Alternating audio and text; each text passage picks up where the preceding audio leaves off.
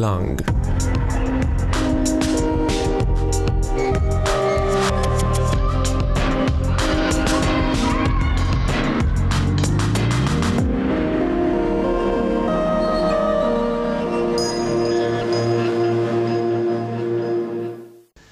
Dzień dobry Państwu. Dzisiaj specjalny świąteczny odcinek pierwszej książki. Moim i Państwa gościem jest dzisiaj Grzegorz Rejwer, pisarz, scenarzysta i ćpun konkursowy. Nagrodzony i wyróżniony w konkursach Snuj Story Instytutu Literatury, w konkursie imienia Mieczysława Wolfka oraz w konkursie imienia Krystyny Kwiatkowskiej. Publikował w drukowanych antologiach i internetowych czasopismach. Od 2017 roku prowadzi warsztaty twórczego pisania w bibliotece w Sopocie. Grzegorz jest recenzentem wewnętrznym i redaktorem merytorycznym Polskiego Towarzystwa Wydawców Książek. Witaj Grzegorzu, dzisiaj w pierwszej książce. Cieszę się, że tu jestem. Dziękuję za zaproszenie. Mam nadzieję, że będziemy się świetnie bawić w związku z Twoimi pytaniami. A dzisiaj będziemy rozmawiać o pierwszej książce grupy pod kocem i książką. Tak, grupa pod kocem i książką to jest nazwa wywodząca się z nazwy filii, gdzie te warsztaty pisarskie prowadzę od 2017 roku, jak wspomniałeś, czyli filia pod kocem i książką. Chociaż nasz projekt tej antologii powstał pod e, szyldem mafii literackiej, e, grupa jest zafascynowana tą nazwą, więc już e, tak będziemy funkcjonować, chociaż same warsztaty właśnie będą pod kocem i książką. Tytuł książki to Cymelium, tom pierwszy, opowieści na świąteczną chwilę. To, jak rozumiem, zapowiada cykl książek. Cykl. Jak długo ta grupa będzie istniała, tak długo będziemy wydawać przynajmniej raz na pół roku antologię. Kolejna w przyszłym 2023 w czerwcu wyjdzie. Jesz- jeszcze temat y, nie jest oficjalną sprawą, ale grupa już ma świadomość, że będzie musiała napisać y, swoje opowiadania. A jak to jest trzymać w swoich rękach książkę, której no, byłeś pomysłodawcą i właściwie redaktorem prowadzącym? To jest niesamowite doświadczenie, bo można mieć przeświadczenie, że papier wszystko przyjmie i że można sobie w dzisiejszych czasach wszystko wydrukować, ale spróbujcie pracować z różnymi osobowościami przez kilka miesięcy, e, miesięcy nad różny, no, różnymi pomysłami na temat antologii. Wtedy zobaczycie, że to nie jest takie proste. Każdy ma różne spojrzenie na temat, jak to powinno wyglądać, różne wrażliwości, zapatrywania designerskie, a więc jak już wreszcie ta książka została wydrukowana, to jest naprawdę niesamowite doświadczenie, bo e, łączyć się z innymi ludźmi właśnie, właśnie ona, ten zbiór opowiadań.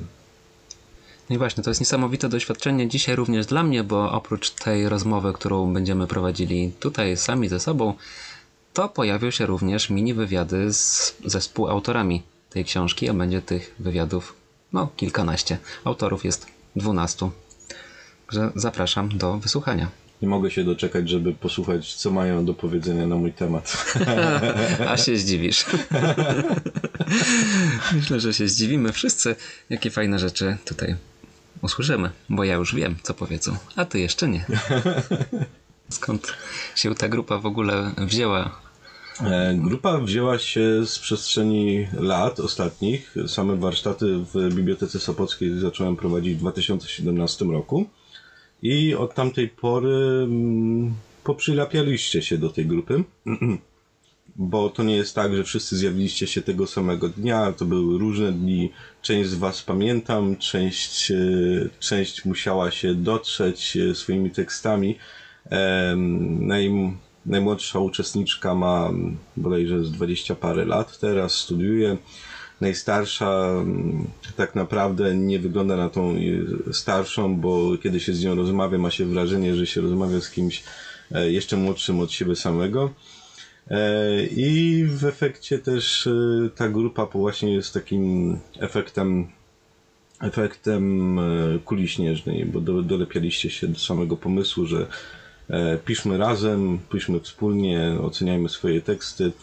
Em, Cieszę się, że udało się zrobić antologię, bo to znaczy, że dołączą do nas nowe osoby, a ta otwartość jest najważniejszym elementem samej grupy. Z każdym z autorów przeprowadziłem krótkie mini wywiady. W tych rozmowach przewijały się różne rzeczy. Było o motywacji, o wsparciu, o rozwijaniu warsztatu, czyli tym wszystkim, co też teraz powiedziałeś.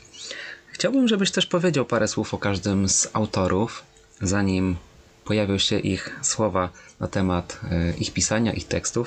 Pierwsze osoby to Agata Pieniążek, Aleksander Żelski, Anna Kaczor. Mhm. No właśnie Agata jest tą naszą najmłodszą uczestniczką tych warsztatów. Jednocześnie jej warsztat jest bardzo dojrzały i pisze we wrażliwy sposób o rzeczach dla niej ważnych. I myślę, że to, że podaje coraz różne, te, coraz, coraz ważniejsze tematy w swoich tekstach, dotyczące czy to e, chorób psychicznych, czy mi, miłości, albo tak jak na przykład w swoim tekście w antologii Świąteczny Cud, pisze właśnie o momencie, kiedy rzeczy wydają się być okropne, ale w ostateczności stają się dobre dla, dla kogoś, mhm. że nie należy się spodziewać właśnie zawsze samych dobrych, złych rzeczy.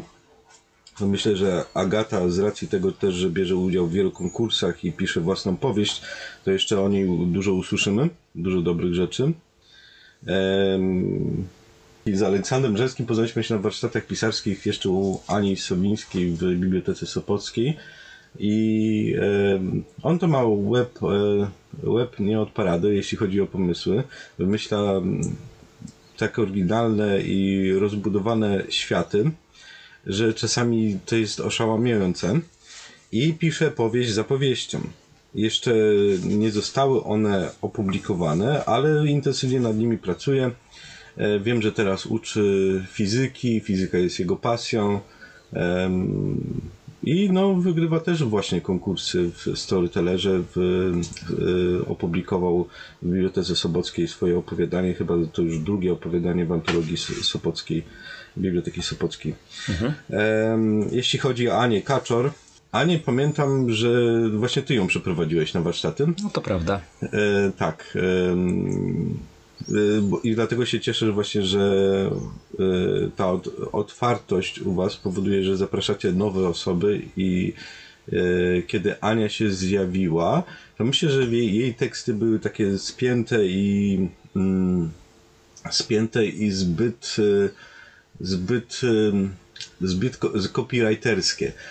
I po tych paru latach okazało się, że ona ma do, wiele do powiedzenia na temat właśnie i macierzyństwa, i na temat e, ciąży. E, dla mnie to są tematy, których nie jestem w stanie doświadczyć, ale czytając e, osobiste refleksje na ten temat, czy na te, te ze strony um, Ani, uważam, że to jest rozwijające. Dzięki Grzegorzu za te słowa. Posłuchajmy zatem, co mieli do opowiedzenia na temat swoich tekstów i swojego pisania Agata, Aleksander i Anna. Agata Pieniążek, Świąteczny Cud. Agata jest studentką filologii polskiej na Uniwersytecie Gdańskim. Jest również laureatką 30. ogólnopolskiego konkursu literackiego imienia Marka Chłaski. Agata, z czym kojarzy, co przywołuje w tobie piosenka Last Christmas? Piosenka, która pojawia się również w Twoim opowiadaniu. Więc e, piosenka Last Christmas to mm, właściwie moja jedna z, jedna z ulubionych piosenek świątecznych. Słucham jej mm, bardzo dużo. Wydaje mi się też, że to jest jedna z najbardziej rozpoznawalnych e, piosenek i myślę, że dlatego ją zawarłam w opowiadaniu, że mi się najbardziej kojarzy ze świętami i że, że wielu osobom podejrzewam również.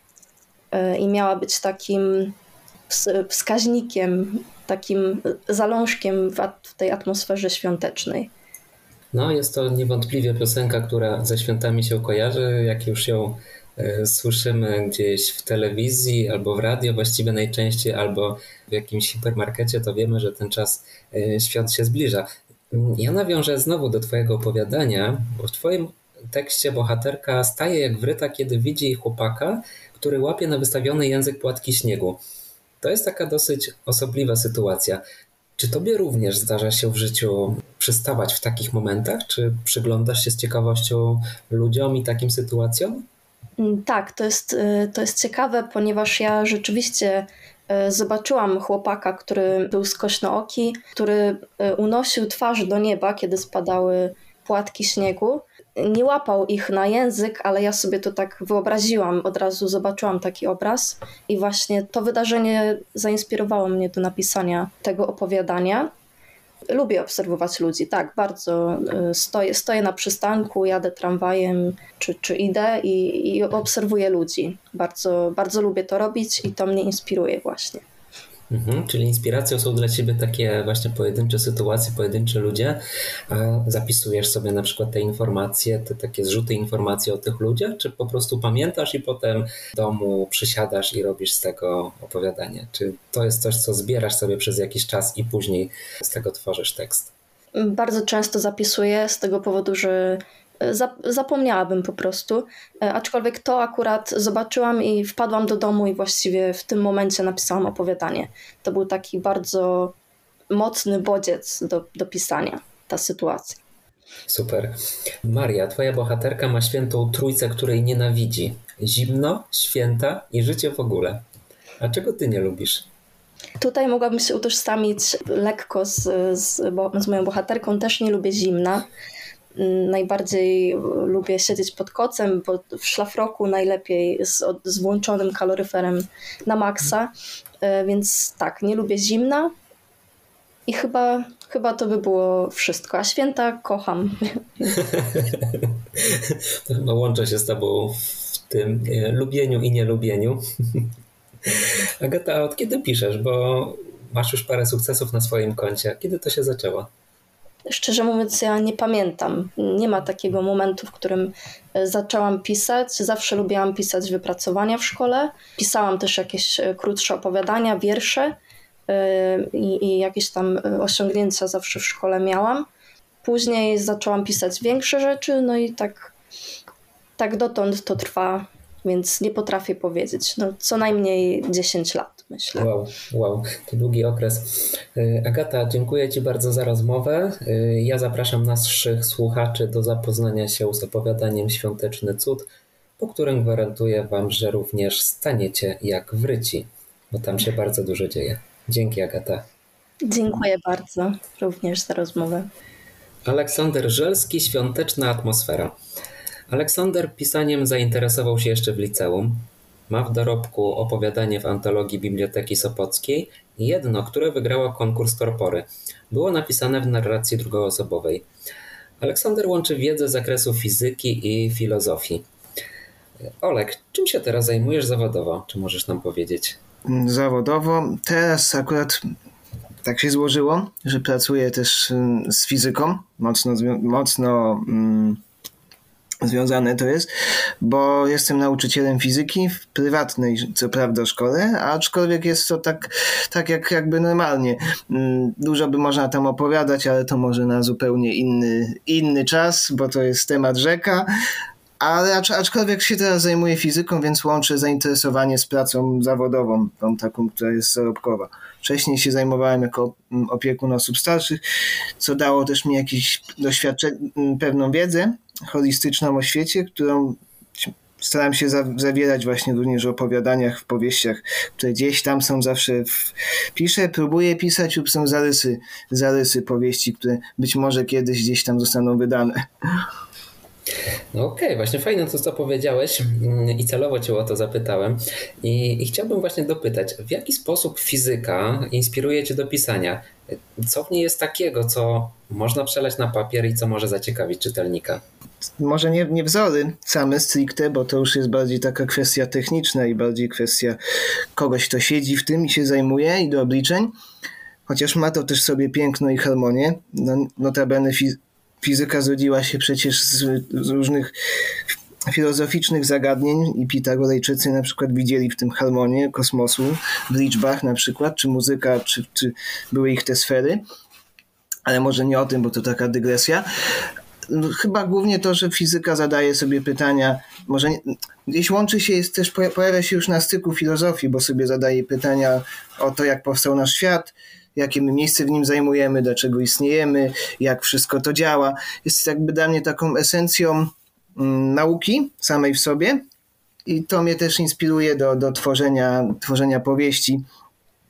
czy op opowiadań, gdzie, gdzieś jakiś tam, gdzieś zawsze staram się, czy filozoficzne, mm, jakieś takie, może głupio to zabrzmi, ale wtręty, to chyba by było najlepsze słowo, które mogą też czytelnika zainspirować do własnych poszukiwań, bo głównie chyba mi o to chodzi, żeby jakby czytelników może, może bardziej zainteresować, gdzieś jakieś słówko, które on złapie, żeby mógł sobie potem poczytać, może to go gdzieś na jakieś drogi zaprowadzi. Więc wydaje mi się, że takie bardziej zaczepienie czytelnika i pokazanie mu, że coś jest ciekawego, co on może, czym może się zainspirować. A ja bym chciał teraz nawiązać jeszcze do Twojego opowiadania. E, świąteczna atmosfera. Czy Ty czujesz atmosferę świąt? Od dłuższego czasu w sumie tak nie czuję nawet tej atmosfery świąt. Powiedzmy, mam wrażenie, że one się mocno skomercjalizowały, że gdzieś zanikła ta taka, już się nie robi tej mm, świąt w dużym gronie rodzinnym, że jest bardzo duże takie zdecentralizowanie tego, że w pojedynkę albo w dwóch tam czy trzech trzy osoby, głównie w takim gronie najbliższej rodziny, czy już gdzieś zanikła, czy nawet się nie odwiedza, te kolendy, to wszystko jakoś takie się stało za bardzo, za bardzo płytkie, mo moim tak, tak zdaniem. I ciężko mi złapać tą taką mm, atmosferę, która mi towarzyszyła powiedzmy jak byłem dzieckiem, jak byłem młodszy, czy nawet jeszcze jak byłem w gimnazjum, liceum, bo jeszcze jestem z tego rocznika, które zahaczyło nieszczęsne gimnazja, więc wtedy bardziej czułem, a im się stawałem starszy, czy gdzieś na, na właśnie na przełomie tam studiów, czy teraz już to już tak mam wrażenie, że już coraz mniej. I chyba jeszcze jest ten pęd taki życia, w którym jesteśmy, że jest coraz szybciej, że, że ten rok już się pojawia jakieś takie myślenie, że coraz człowiek starszy, nie młodszy, Prawdą jest, jak mówią, że pisanie jest też pewną formą terapii czy autoterapii na, na sobie samym, więc przelewając coś na papier, to dodatkowo lepiej człowiek poznaje samego siebie. I rozwijając się, to jest taka podróż, taka introspektywna w głąb siebie, mam wrażenie. To jest bardzo piękne, co powiedziałeś o tej autoterapii, o tym poznawaniu siebie i, i przelewaniu tych swoich emocji na papier. Aleksander, dzięki Ci za rozmowę, dzięki za to, co usłyszeliśmy. Myślę, że to jest fajne i przydatne dla nas wszystkich. Dzięki. Również dziękuję bardzo. Anna Kaczor, zanim spadnie pierwsza gwiazda. Anna jest wykształcenia filozofką i marketerką, na co dzień zajmuje się copywritingiem, uwielbia jesień, ładne kubki i zdania, które pozostawiają za sobą jakiś ślad. W wolnych chwilach rzeźbi w słowach i wyplata makramowe ozdoby. Aniu, powiedz mi, lubisz jesień, a czy lubisz zimę? Czy lubisz wbiegać na śnieg i zostawiać na nich ślad albo zrobić orła na śniegu? Tak, jak najbardziej. E, generalnie wszystkie pory roku są jakieś dla mnie szczególne, w tym też zima, bo gdzieś tam wyzwala takie dziecięce instynkty i emocje, które właśnie są związane z pomnieniami, tak, z, z czasem, kiedy po prostu byłam dzieckiem. Do tej pory tak, biegam na śnieg razem też z moimi z dziećmi i, i szalejemy po prostu na śniegu, więc jak najbardziej tak. Czyli oddajesz się tym dziecięcym takim wspomnieniom, właśnie beztroskim e, działaniom razem ze swoimi dziećmi, jak rozumiem. Tak, tak, tak. Czy twoje dzieci, bo właśnie o nich wspomniałaś, a ja chciałam do nich nawiązać później, bo napisałaś w swoim biogramie o tym, że masz dwóch chłopców, za którymi się uganiasz i o których właśnie o nich wspominasz w swoim biogramie. Czy twoje dzieci też są inspiracją do pisania opowiadań? Tak, jak najbardziej. W zasadzie odkąd zostałam mamą, to, to są bardzo dużą inspiracją. W sumie ciężko odciąć się od E, od tych emocji, e, które e, są związane z macierzyństwem. I tak naprawdę odkąd pojawiają się dzieci, zmienia się zupełnie świat i perspektywa. I w związku z tym, tak, odkąd, odkąd właśnie jestem mamą, to też piszę trochę inaczej, piszę bardziej z perspektywy kobiecej o problemach, które dotykają może bardziej kobiet niż mężczyzn i dzieci się tak pojawiają się gdzieś tam bardzo mocno w, w, tym, w tym, co piszę. Bo tak jak kojarzę i znam cię z innych opowiadań, to najczęściej piszesz krótko, ale właśnie bardzo tak emocjonalnie i mm, twoje teksty pozostawiają w człowieku pewien ślad, do którym właśnie można podążać. E, w twoim opowiadaniu, które jest w antologii, jest takiego swego rodzaju twist. No nie chcę zdradzać całej fabuły, bo warto przeczytać i zapoznać się z nim, e, ale jest tak trochę, że czytelnik myśli, że wie, w którą stronę zmierza twoje opowiadanie, a potem wywijasz mu takiego orła ostatnim zdaniem. Ładnie to tak robi czytelnikowi? No myślę, że jakby tutaj akurat jeśli chodzi o to opowiadanie, to, to w sobie cała siła e, tkwi w tym e, ostatnim zdaniu i w tym przewrocie. No i to jest takie trochę przebróżenie oka tak, na, na całą e, tę sytuację. No i ukazanie też troszeczkę tego klimatu świątecznego i tego czasu z takiej trochę innej perspektywy. I tak, faktycznie to opowiadanie jest troszeczkę inne niż te, które zazwyczaj piszę ale sprawiło mi dużą radość e, pisanie go i, i, i, bardzo dobrze wspominam ten czas, kiedy, kiedy siadałam właśnie do niego, kiedy się za niego zabierałam. Dużo pozytywnych emocji gdzieś tam we mnie zostało po tym czasie. Słuchać to w tobie, jak o tym opowiadasz. Co było inspiracją do napisania tego opowiadania? Był jakiś taki, taki kadr, który gdzieś tam mi się zachował w głowie z, z momentu, kiedy wracałam z moim synem z przedszkola, z parku. I faktycznie były takie dwie postaci, które e, podobne do tych, które opisałam. Oczywiście nie wszystko to wyglądało tak jak e, tutaj, e, tak jak napisałam, tak? bo to reszta to gdzieś tam trochę fikcji i troszeczkę jakby świątecznego obrazka do tego dodałam. Ale faktycznie były takie dwie postaci i one były inspiracją. Po prostu zobaczyłam ich w parku na ławce i stwierdziłam, że to fajny będzie punkt zaczepienia. Super, fajnie, że o tym opowiedziałaś, o tym, co było pierwsze, co było na początku. E, Aniu, piszesz, robisz makramy, a gdzie można Cię obserwować? Gdzie można obserwować Twoją twórczość? Jeśli chodzi o pisanie, no to póki co to jest profil na Instagramie, który e, ma nazwę Ani Słowa. W przyszłości gdzieś tam cały czas e, są plany, żeby publikować w innych miejscach, ale póki co to są jakieś urywki mojej twórczości. Jeśli chodzi o makramy, to, to też Instagram i fanpage na Facebooku o nazwie Makramowanie. Tam są e, moje w zasadzie najświeższe prace, także pewnie najłatwiej w tych miejscach właśnie. Także ani słowa więcej. Zapraszam do zapoznania się z opowiadaniem Ani Kaczor, zanim spadnie pierwsza gwiazda, do obserwowania na Instagramie e, jej twórczości. Dzięki Aniu za rozmowę. Dziękuję bardzo, Dominik. Słuchaliśmy trzy krótkie wywiady z naszymi współautorami antologii Cymelium tom pierwszy, a kolejne osoby, kolejne osoby to Monika Sarzyńska, Mateusz Szuba i Natalia Dębczyk. Co możesz powiedzieć o tych osobach, o ich pisaniu? Dlaczego warto ich czytać? Hmm. Monikę Sarzyńską znam jakby... Ona nie jest stąd, prawda? Ona też jest jakby osobą nie strój miasta, to mam na myśli. Tak. Właśnie Monikę poznałem na warsztatach, chyba przez krakowskie biuro festiwalowe organizowane. I zaprosiłem ją na nasz czat. Okazało się, że się zżyła z grupą, zaczęła podsyłać swoje własne teksty. To była jedyna osoba, która oparła się mojej korekcie i redakcji w zeszłym roku.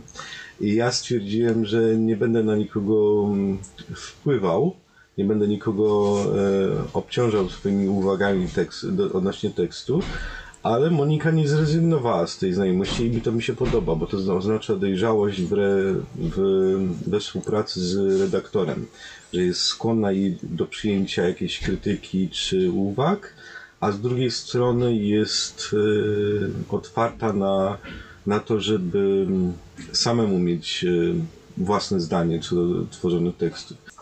Więc z Moniką mam właśnie jak najlepsze doświadczenia, jeśli chodzi o pracę redaktorską, nawet jeśli to była mm, praca redaktorska po grudzie.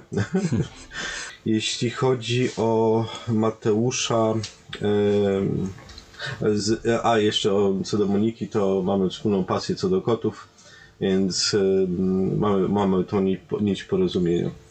Mateusza Szubę mm, znam podobnie jak Aleksandra dość długo. Zresztą chyba nawet dłużej, bo Mateusz chodził na te warsztaty od samego prawie początku. I to jest taki niepozorny chłopak. Ja mówię o nim chłopak, tylko dlatego, że wygląda bardzo młodo pisze bardzo żywiołowe teksty o na przykład krasnoludach, którzy walczą z kombajnami. to był jeden z pierwszych takich tekstów, który mnie zainteresował u Mateusza. I um, u niego właśnie było czuć taką niepewność od samego początku i, i nie musiałem walczyć z tą niepewnością, bo tak naprawdę on miał rozbudowany warsztat, tylko brakowało mu osobistej osobistego zaangażowania w teksty, bo może myślał, że nikt nie będzie chciał tego czytać. I to jest jedna z blokad właśnie u debiutujących albo de, przed, osób przed debiutem, a grupy pisarskie roz, rozbijają takie blokady, między innymi taką blokadę, bo, bo w tych grupach się czyta wspólnie i Żałuję, że teraz z Mateuszem nie mamy tak wiele kontaktu, ale on co chwilę podsyła jakieś publikacje w języku kaszubskim albo o Kaszubach, więc rozwija się jako i naukowiec, i pracownik naukowy i e, myślę, że jak wróci do nas z nowymi tekstami, e, to będą jeszcze o wiele dojrzalsze, bo praca naukowa, pisanie tekstów naukowych rozwija warsztat, skupienie myśli na tekście E, to jest e, bardzo dobry, do, bardzo dobry sposób na rozwijanie nawyku pisarskiego. E, I jeszcze na, Natalia. Na, na, Natalia Dębczyk, tak? Tak, banksterka. Słucham? Banksterka.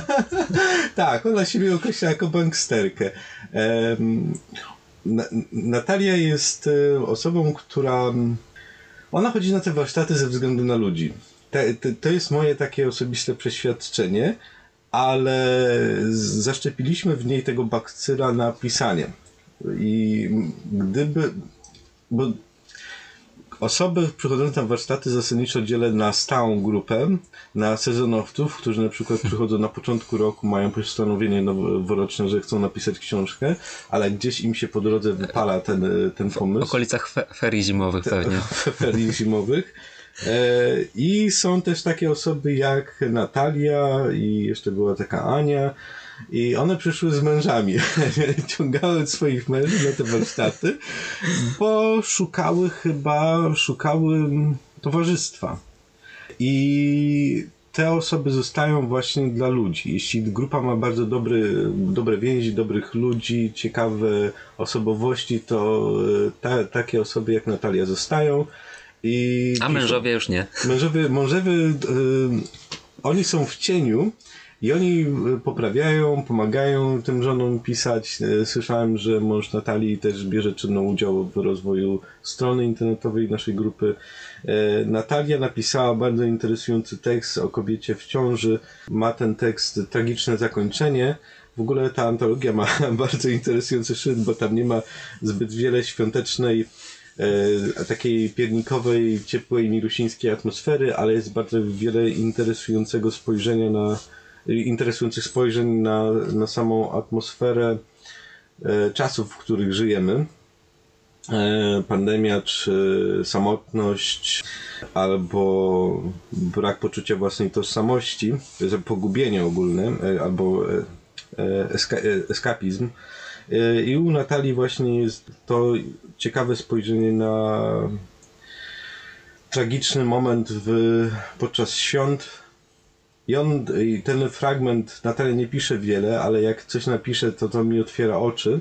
I mam nadzieję, że pozostałym uczestnikom i czytelnikom, którzy dorwą się do tej książki Cymelium, że zobaczą właśnie na przykład w tekście Natalii e, coś dla siebie interesującego, tak jak, tak jak ja. Posłuchajmy zatem, co mieli do powiedzenia o swoich tekstach i gdzie zawędrowałem w nimi w rozmowach Monika, Mateusz i Natalia. Monika Sarzyńska, Dobromir i komnata dzikich akrobacji. Monika to absolwentka filologii angielskiej, zamiłowania joginka i amatorka dobrych książek oraz filmów, kocha zwierzęta, zwłaszcza kotkę o imieniu Stopka. Czy twoja kotka była inspiracją do napisania tego opowiadania? Moja kotka Stopka, e, która jest półroczną kotką, którą tutaj zresztą Dominik ma okazję e, oglądać. Tak, widzę, tak, jak się zajmuje sobą. Była jak najbardziej inspiracją.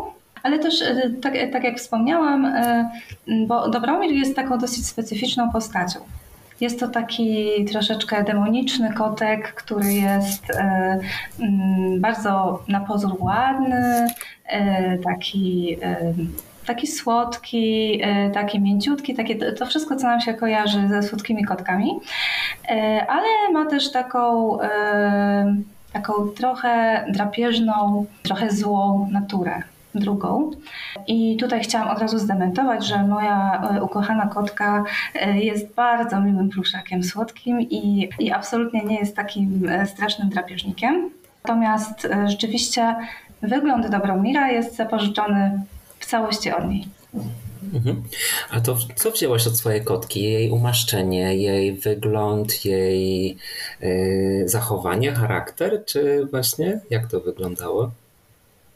E, właśnie, właśnie głównie wygląd. Dobromir ma takie charakterystyczne dosyć umaszczenie.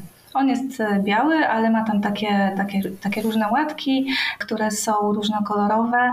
E, ja tego też tak w opowiadaniu dokładnie nie opisałam, ale to może powiem teraz, bo jest to takie dość ciekawe. Stopka e, ma takie dwie łatki na plecach, które jedna wygląda, jest w kształcie sępa, czego często sobie tutaj żartujemy, bo to tak troszeczkę podpada pod jej charakter i jej zachowania mhm. jeśli chodzi o dokładnie sępienie jedzenia. E, natomiast e, druga łatka e, jest w kształcie myszy. I ta mysza, to mysza ma tak na pleckach, gdzie ta mysza ma też współdzieli z nią ogonek i jest to takie dosyć zabawne, bo ta mysza tak wszędzie za nią podąża, jak, jak Jerry za Tomem, można by rzec. A czy twoja stopka poluje na myszy, czy raczej tak jak Dobromir czeka na smaczną saszetę? Robi wszystko. O. Jedno i drugie, także y, na szczęście nie musi wybierać. Okej. Okay. A powiedz mi proszę Moniko, y, skąd ten pomysł na narrację, bo jest ona nietypowa, jest ona inna od, od tych zastosowanych w innych opowiadaniach y, innych tak tutaj naszych autorów. Jest to narracja z pozycji Dobromira. Uznałam, że będzie fajnie e, pokazać tę historię od początku do końca e, oczami Dobromira że jakby mm, co to wnosi? To jest taki troszeczkę inny punkt widzenia niż mamy na, e, na co dzień. Bo nasz punkt widzenia e, w przeważającej mierze, myślę, jest taki dosyć antropocentryczny. E, najczęściej kto opowiada historię? Ludzie. Mm, a tutaj mamy zwierzątko, które gdzieś tam z jego poziomu, tam tych 15 centymetrów nad dywanem, widzimy wszystko, e, jest, jest to perspektywa trochę inna. E, i słyszymy, tam się przeplatają, słyszymy jakby słowa, słyszymy myśli i słowa Dobromira i, i tak pomyślałam, że tak będzie chyba ciekawiej. Powiedz mi proszę, jak w taki sposób, jako właścicielka kota, z drugiej strony jako autorka opowiadania o, o kocie, w którym bohaterem jest kot, jak chronić się przed zniszczeniami w tym okresie świątecznym, które no, koty niewątpliwie mogą nam poczynić. To ja szczerze powiem, że możliwe, że nie jestem e, autorytetem na ten temat, dlatego że e, Stopka jest akurat specyficznym kotem e, pod tym względem, że ona nie ma jakby takiego impulsu wspólnego chyba w większości kotów. E, żeby coś strącić, żeby coś e, zwalić ze stołu, żeby coś e, zniszczyć. Jest chyba takim specyficznym kotkiem dość, bo często też ja o niej w ogóle myślę trochę w kategoriach takiego, użyję terminu, którego używa, używamy sobie tutaj tak roboczo, kotopsa. O. E, tak, bo ona, znaczy? e, ona, e, ona łączy w sobie e, cechy kota i psa, tak jak się jej przyglądam. Tutaj obok domu mam taki, taki mały lasek i czasami jak chodzę na, e, na spacer do tego lasu, to ona chodzi przy nodze jak pies. I to jest takie niesamowite i to jest takie niespotykane, bo e, ja wiele kotów w życiu poznałam, bo jestem kociarą. I, i, I z czymś takim się jeszcze nie spotkałam rzeczywiście, więc jestem jestem pod wrażeniem za każdym razem, ale wracając do Twojego pytania, e, to e, dwa dni temu postawiłam choinkę, postawiliśmy choinkę, więc na razie tylko obserwuję, co, jak, jak, ona reaguje i póki co jest to taka, taka umiarkowana ciekawość. Super, dzięki Monika za Twoją historię, za podzielenie się Twoją historią o kocie. E, zachęcamy do zapoznania się z historią o Dobromirze, który jest zupełnym przeciwieństwem Twojej kotki, Stopki. Dzięki. Tak, tak właśnie. Dziękuję. Mateusz Szuba Prezenty. Mateusz jest historykiem z wykształcenia i absolwentem Uniwersytetu Gdańskiego. Jest autorem artykułów naukowych i popularno-naukowych. Lubi pisać opowiadania i wiersze, a ostatnio także haiku. Jest miłośnikiem ojczystego Pomorza. Mateusz, Twoje opowiadanie skłoniło mnie do pewnej refleksji. E, zacząłem się zastanawiać, jeśli chodzi o prezenty, właśnie o ten tytuł. Bo trochę to jest tak, czy właśnie to jest trochę tak, że dajemy prezenty, bo chcemy mieć święty spokój, czy może po prostu jest jakaś potrzeba, żeby kogoś obdarować i robimy to z serca. Jak myślisz, dlaczego dajemy prezenty? Myślę, że jest różnie, że właśnie no raz dajemy, żeby mieć święty spokój, no to jeśli chodzi, no powiem szczerze, jeśli chodzi na przykład o dzieci, tak, no to dajemy z prezenty, tak, żeby mieć święty spokój albo jakimś takim znajomym. No ale bywa, że i dajemy te prezenty, no bo chcemy, dajemy jakimś osobom, które lubimy, które. Yy, które dużo znaczą w naszym życiu, albo na przykład po prostu jest taka czasem chęć zrobienia komuś przyjemności po prostu i wtedy to te prezenty dajemy z radością. A ty wolisz dawać prezenty, czy wolisz dostawać? Oczywiście, że wolę dostawać, nie będę udawał, ale dawać też lubię. No. Chwila zastanowienia była. Z, z, z, lubię dawać, lubię. Tym, tym których lubię. No. Mhm. Ale dostawać też lubisz, no i to jest oczywiste, że myślę, że każdy z nas też lubi mm, prezenty dostawać. W Twoim opowiadaniu właśnie jest taka sytuacja z tym dawaniem prezentów. Ona jest bardzo zaskakująca. Nie chcę tutaj do końca zdradzać fabuły, żeby nasi słuchacze też zainteresowali się i przeczytali, ale no jest to dosyć zaskakująca sytuacja. Ktoś, kto, ktoś, kto trochę tak szuka pomysłu na te prezenty, prawda? I tak myśli nad tymi prezentami, komu je dać i czy, czy musi, czy trzeba, czy warto, czy chciałby. A potem właściwie znajduje się w takiej sytuacji, kiedy odnajduje jakiś chyba cel nawet, prawda? Jakiś taki cel w swoim y, życiu przed tymi świętami.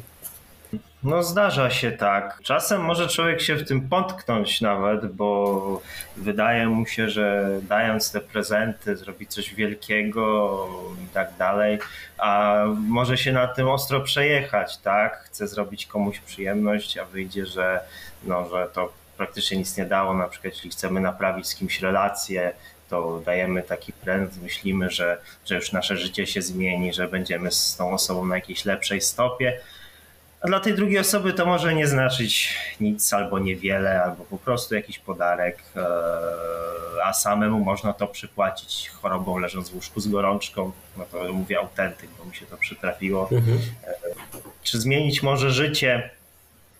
Myślę, że są takie sytuacje, w których rzeczywiście jakiś prezent, czy po prostu pomysł na to, jak z daną osobą porozmawiać, może zmienić życie. No to ciekawe, co powiedziałaś, bo właśnie nawet Rozmowa może być.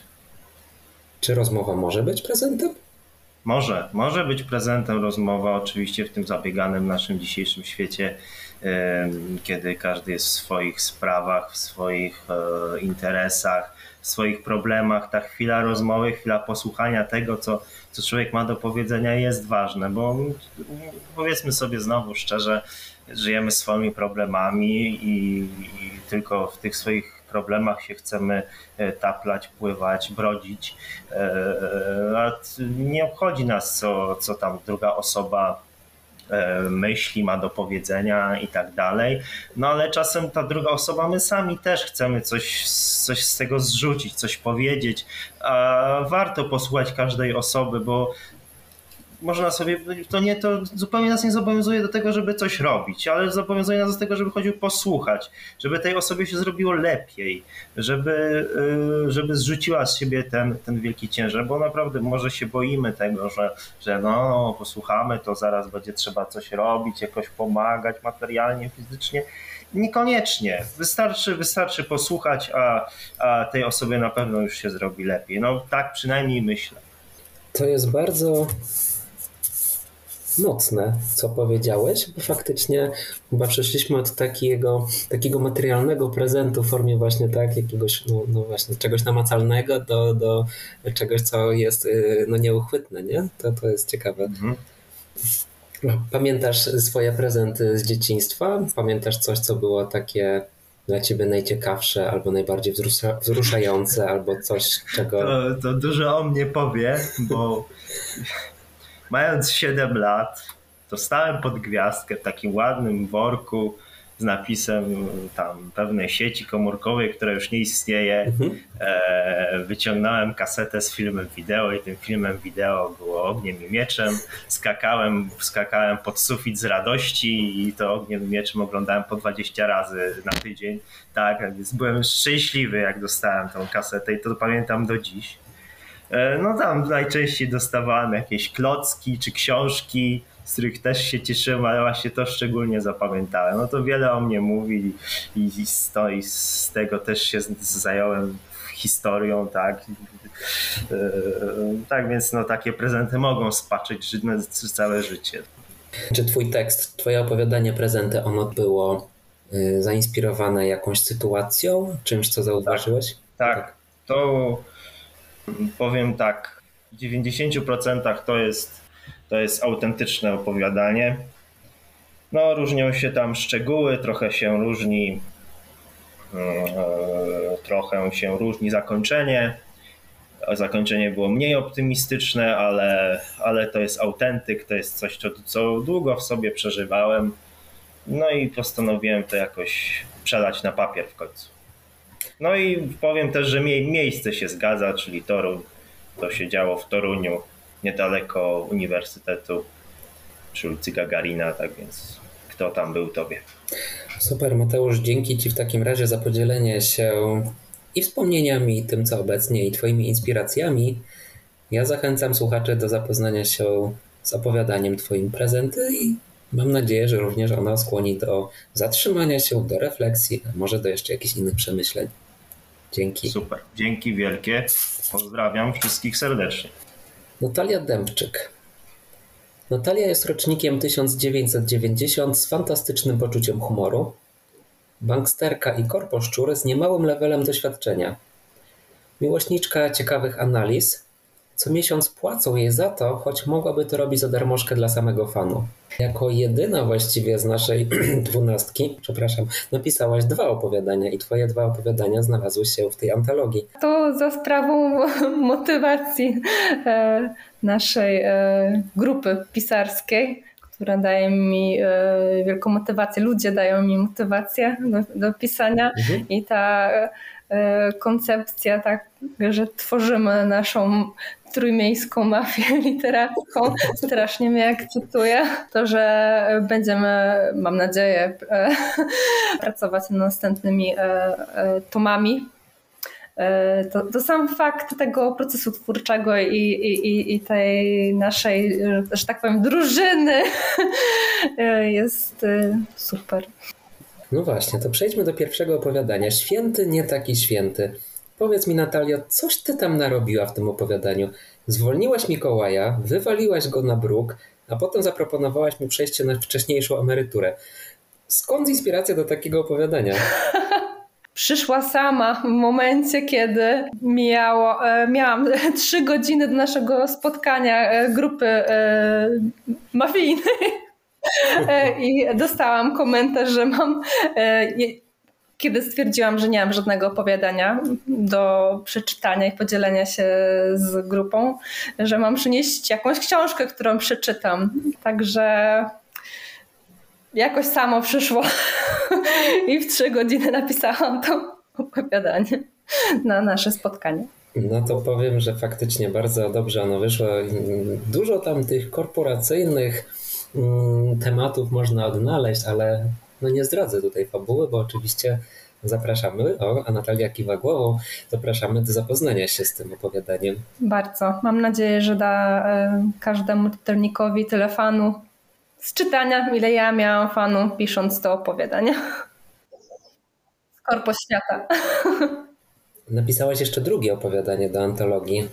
Dziewczyna w różowej piżamie. Ono jest zupełnie inne, jest bardzo poruszające.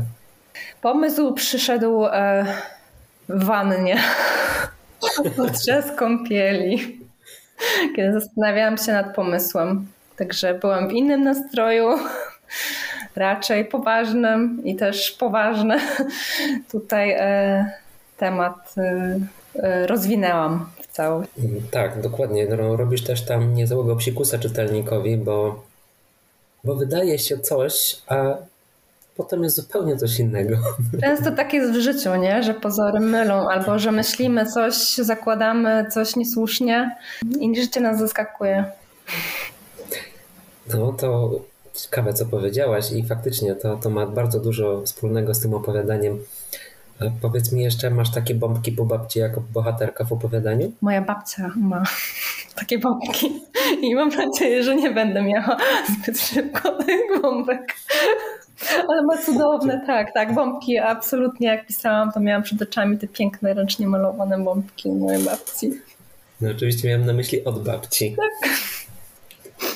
E, Natalia, bardzo fajnie też wspomniałaś o tym, o, o tej motywacji, którą daje Ci grupa. E, od kiedy należysz do grupy mafijnej? Chwilę przed pandemią e, dołączyłam do niej. Nie sądziłam, że to tak się potoczy, że przyjdę i zostanę, ale wciągnęło, wciągnęło mnie. Wciągnęliście mnie podczas pandemii.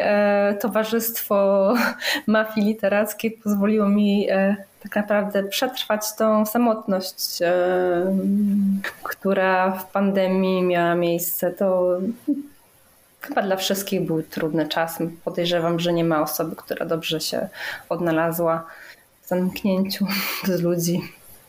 Mhm. Przyszłaś na te warsztaty też właśnie z ciekawości, tak jak tak. powiedziałaś o, o tej no, o ludziach, o tym, że też Ciebie ciekawią, tak? Mhm. To tutaj też ta ciekawość była, tak? Też, a też szukam ludzi, którzy będą kochać to, co ja. Chyba lubimy po prostu ludzi podobnych do nas generalnie i e, fakt, że e, stałam się taką częścią wspólnoty mafii, lepiej brzmi zdecydowanie, fajniej, mafii, e, no to taki, tak się czuję w tym takim bezpiecznej, e, takim kokoniku, miłym, przyjemnym, że, że są tacy jak ja i lubią to, co ja i czują to, co ja, jeżeli chodzi o pisanie. No już nie mów, że wszyscy jesteśmy tacy mili, bo potrafimy sobie powiedzieć, jeśli chodzi o nasze pisanie, naprawdę bardzo e, czasami trudne, ale oczywiście ważne rzeczy, które wpływają na to, że ten warsztat jest coraz lepszy. No to oczywiście no nie, nie jest słodko między nami, humor jest ostry, cięty, jak najlepsze literackie teksty. Zdecydowanie, zdecydowanie się zgadzam z tym. Że uwielbiam wasze poczucie humoru, bo nie jest cukierkowate. Bardziej to czarny humor często. Jak to w mafii. No dokładnie. Ale tak, bardzo, bardzo was lubię i w ogóle no, ten projekt jest bardzo ważny w moim życiu. Jest e, tak. No, no, tak w sumie tego nie powiedziałam nigdy na głos, ale jest ważny dla mnie. Wow, i to jest puenta najlepsza tej rozmowy, że ten projekt jest dla Ciebie ważny ja myślę, że on jest ważny dla każdego z nas. No i życzę sobie i Tobie, abyśmy kontynuowali ten projekt, żeby pojawiały się kolejne tomy i nasze kolejne opowiadania. Tak, dokładnie. Ja też sobie tego życzę, żebyśmy się rozwijali e, w tym, co kochamy, żebyśmy byli coraz lepsi. Dla samego faktu, żeby być lepszym i mieć z tego coraz większy fan. Super. Dzięki Natalia za rozmowę. Zapraszam do zapoznania się z opowiadaniami Natalii. No jak pewnie słyszałeś Grzegorzu, faktycznie macie te wspólne y, tutaj tematy z Moniką. Ja również ten temat kota, który jest też tematem jej opowiadania poruszyłem, y, więc też sporo rzeczy się o tym dowiedziałem. Kolejne osoby, które miały wpływ y, na projekt to Paweł Homma, Agata Radziszewska i ja, czyli Dominik. Zacznę od Pawła. Paweł jest dla mnie taką trochę zagadką, bo on pisze najmniej, ale najintensywniejsze teksty i one zawsze się podobają właśnie, kiedy czyta je na, na głos na grupie. E, jest też osobą, która ma najwięcej oporów przed pisaniem w grupie. E, Co to znaczy? To znaczy, jeśli mamy jakieś ćwiczenie, to on czuje się skrępowany tym, że ma coś napisać, że woli pracować indywidualnie.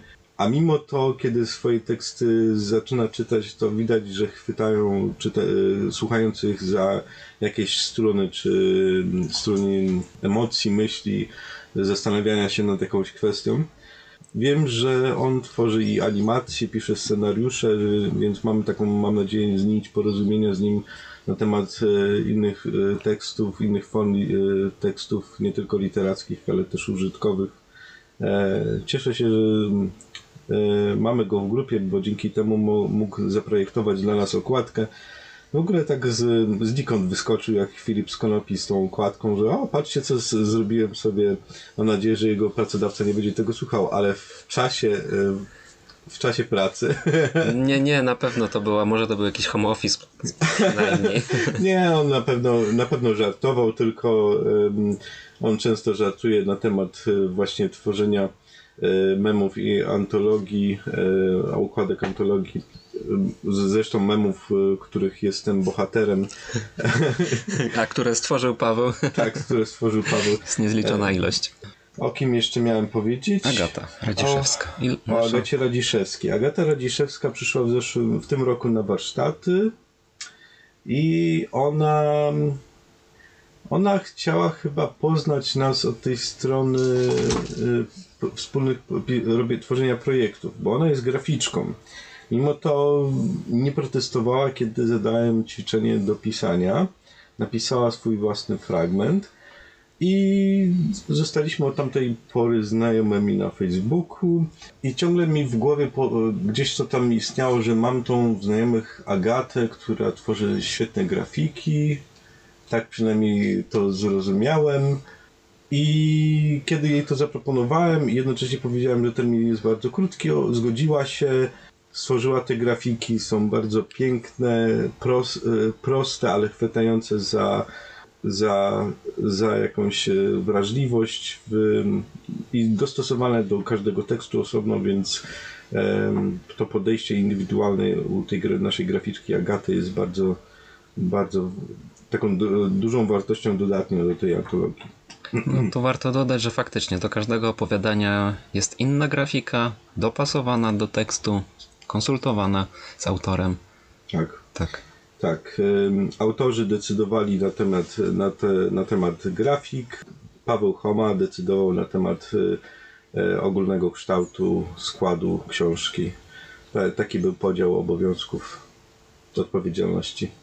Teraz o czym, o czym mam opowiedzieć o tobie, Dominiku? Krótko. Podaj tą kartkę, którą przygotowałeś na ten temat. Jest pusta, jak widzisz. Dominik Dominik e, jeszcze nie napisał swojej najlepszej książki, ale pisze swoje już coraz lepsze opowiadania. E, teraz się rumieni, kiedy właśnie to mówię. E, Dobrze, że tego nie widać.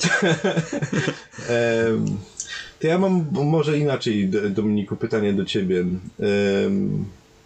Dlaczego w ogóle zostałeś jeszcze z tą grupą?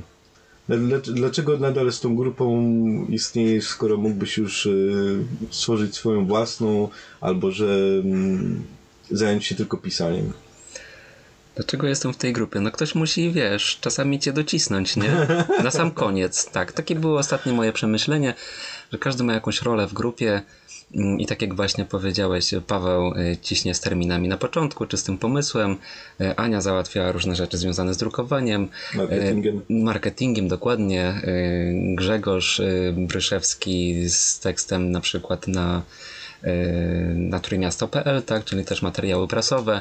Natalia piecze świetne babeczki. Dorota też nas tutaj bardzo fajną, taką ciepłą energię nam przekazuje i też nas tutaj spaja. Co ja stwierdziłem, że ja jestem tą osobą, która na sam koniec e, też te rzeczy do, e, dociąga do, do końca, żeby ten entuzjazm, entuzjazm podtrzymać. Tak, to bo jestem po to. No właśnie twoja, e, twoje zaangażowanie w pisanie tekstów pomaga mi prze, przetrwać wiele własnych blokad i nie to, że cię trzymam tylko dlatego właśnie w tej grupie, ale to jest inspirujące, kiedy ktoś z grupy, czy to Agata, czy Zuza, czy ty bierzecie udział w konkursach, czy w naborach i ja mam wrażenie, że jestem gdzieś w tyle, chociaż tak naprawdę to jest to nie jest tak, że my się wszyscy ścigamy, tylko że wzajemnie motywujemy swoimi aktywnościami i pisaniem. I jako, że ty jesteś tym koniem pociągowym tej motywacji, ale e, mam nadzieję, że Cię dobrze karmimy swoją, swoją uwagą, jak, jako czytelnicy.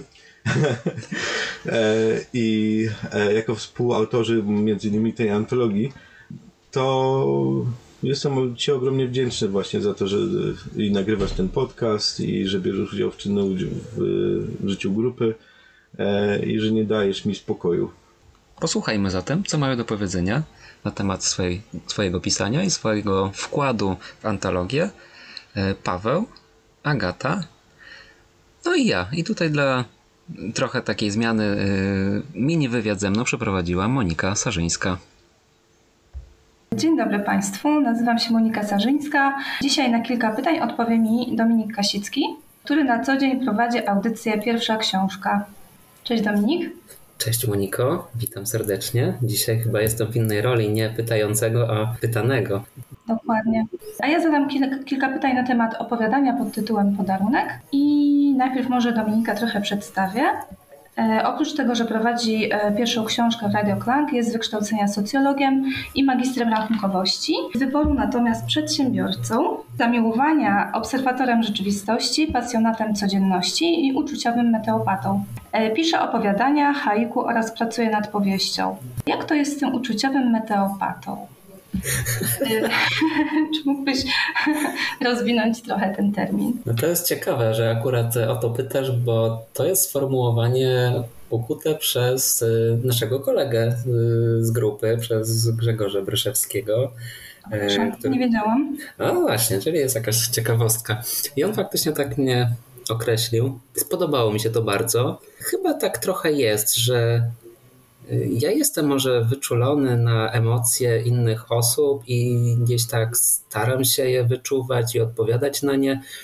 Ja pewnie też tak mam, że dużo tych emocji w sobie mam, ale też no nie zawsze je okazuję. Może właśnie pisanie jest taką formą przekazania tego, co czuję, co myślę. No, myślę, że to chyba by była odpowiedź na to, e, co zapytałaś.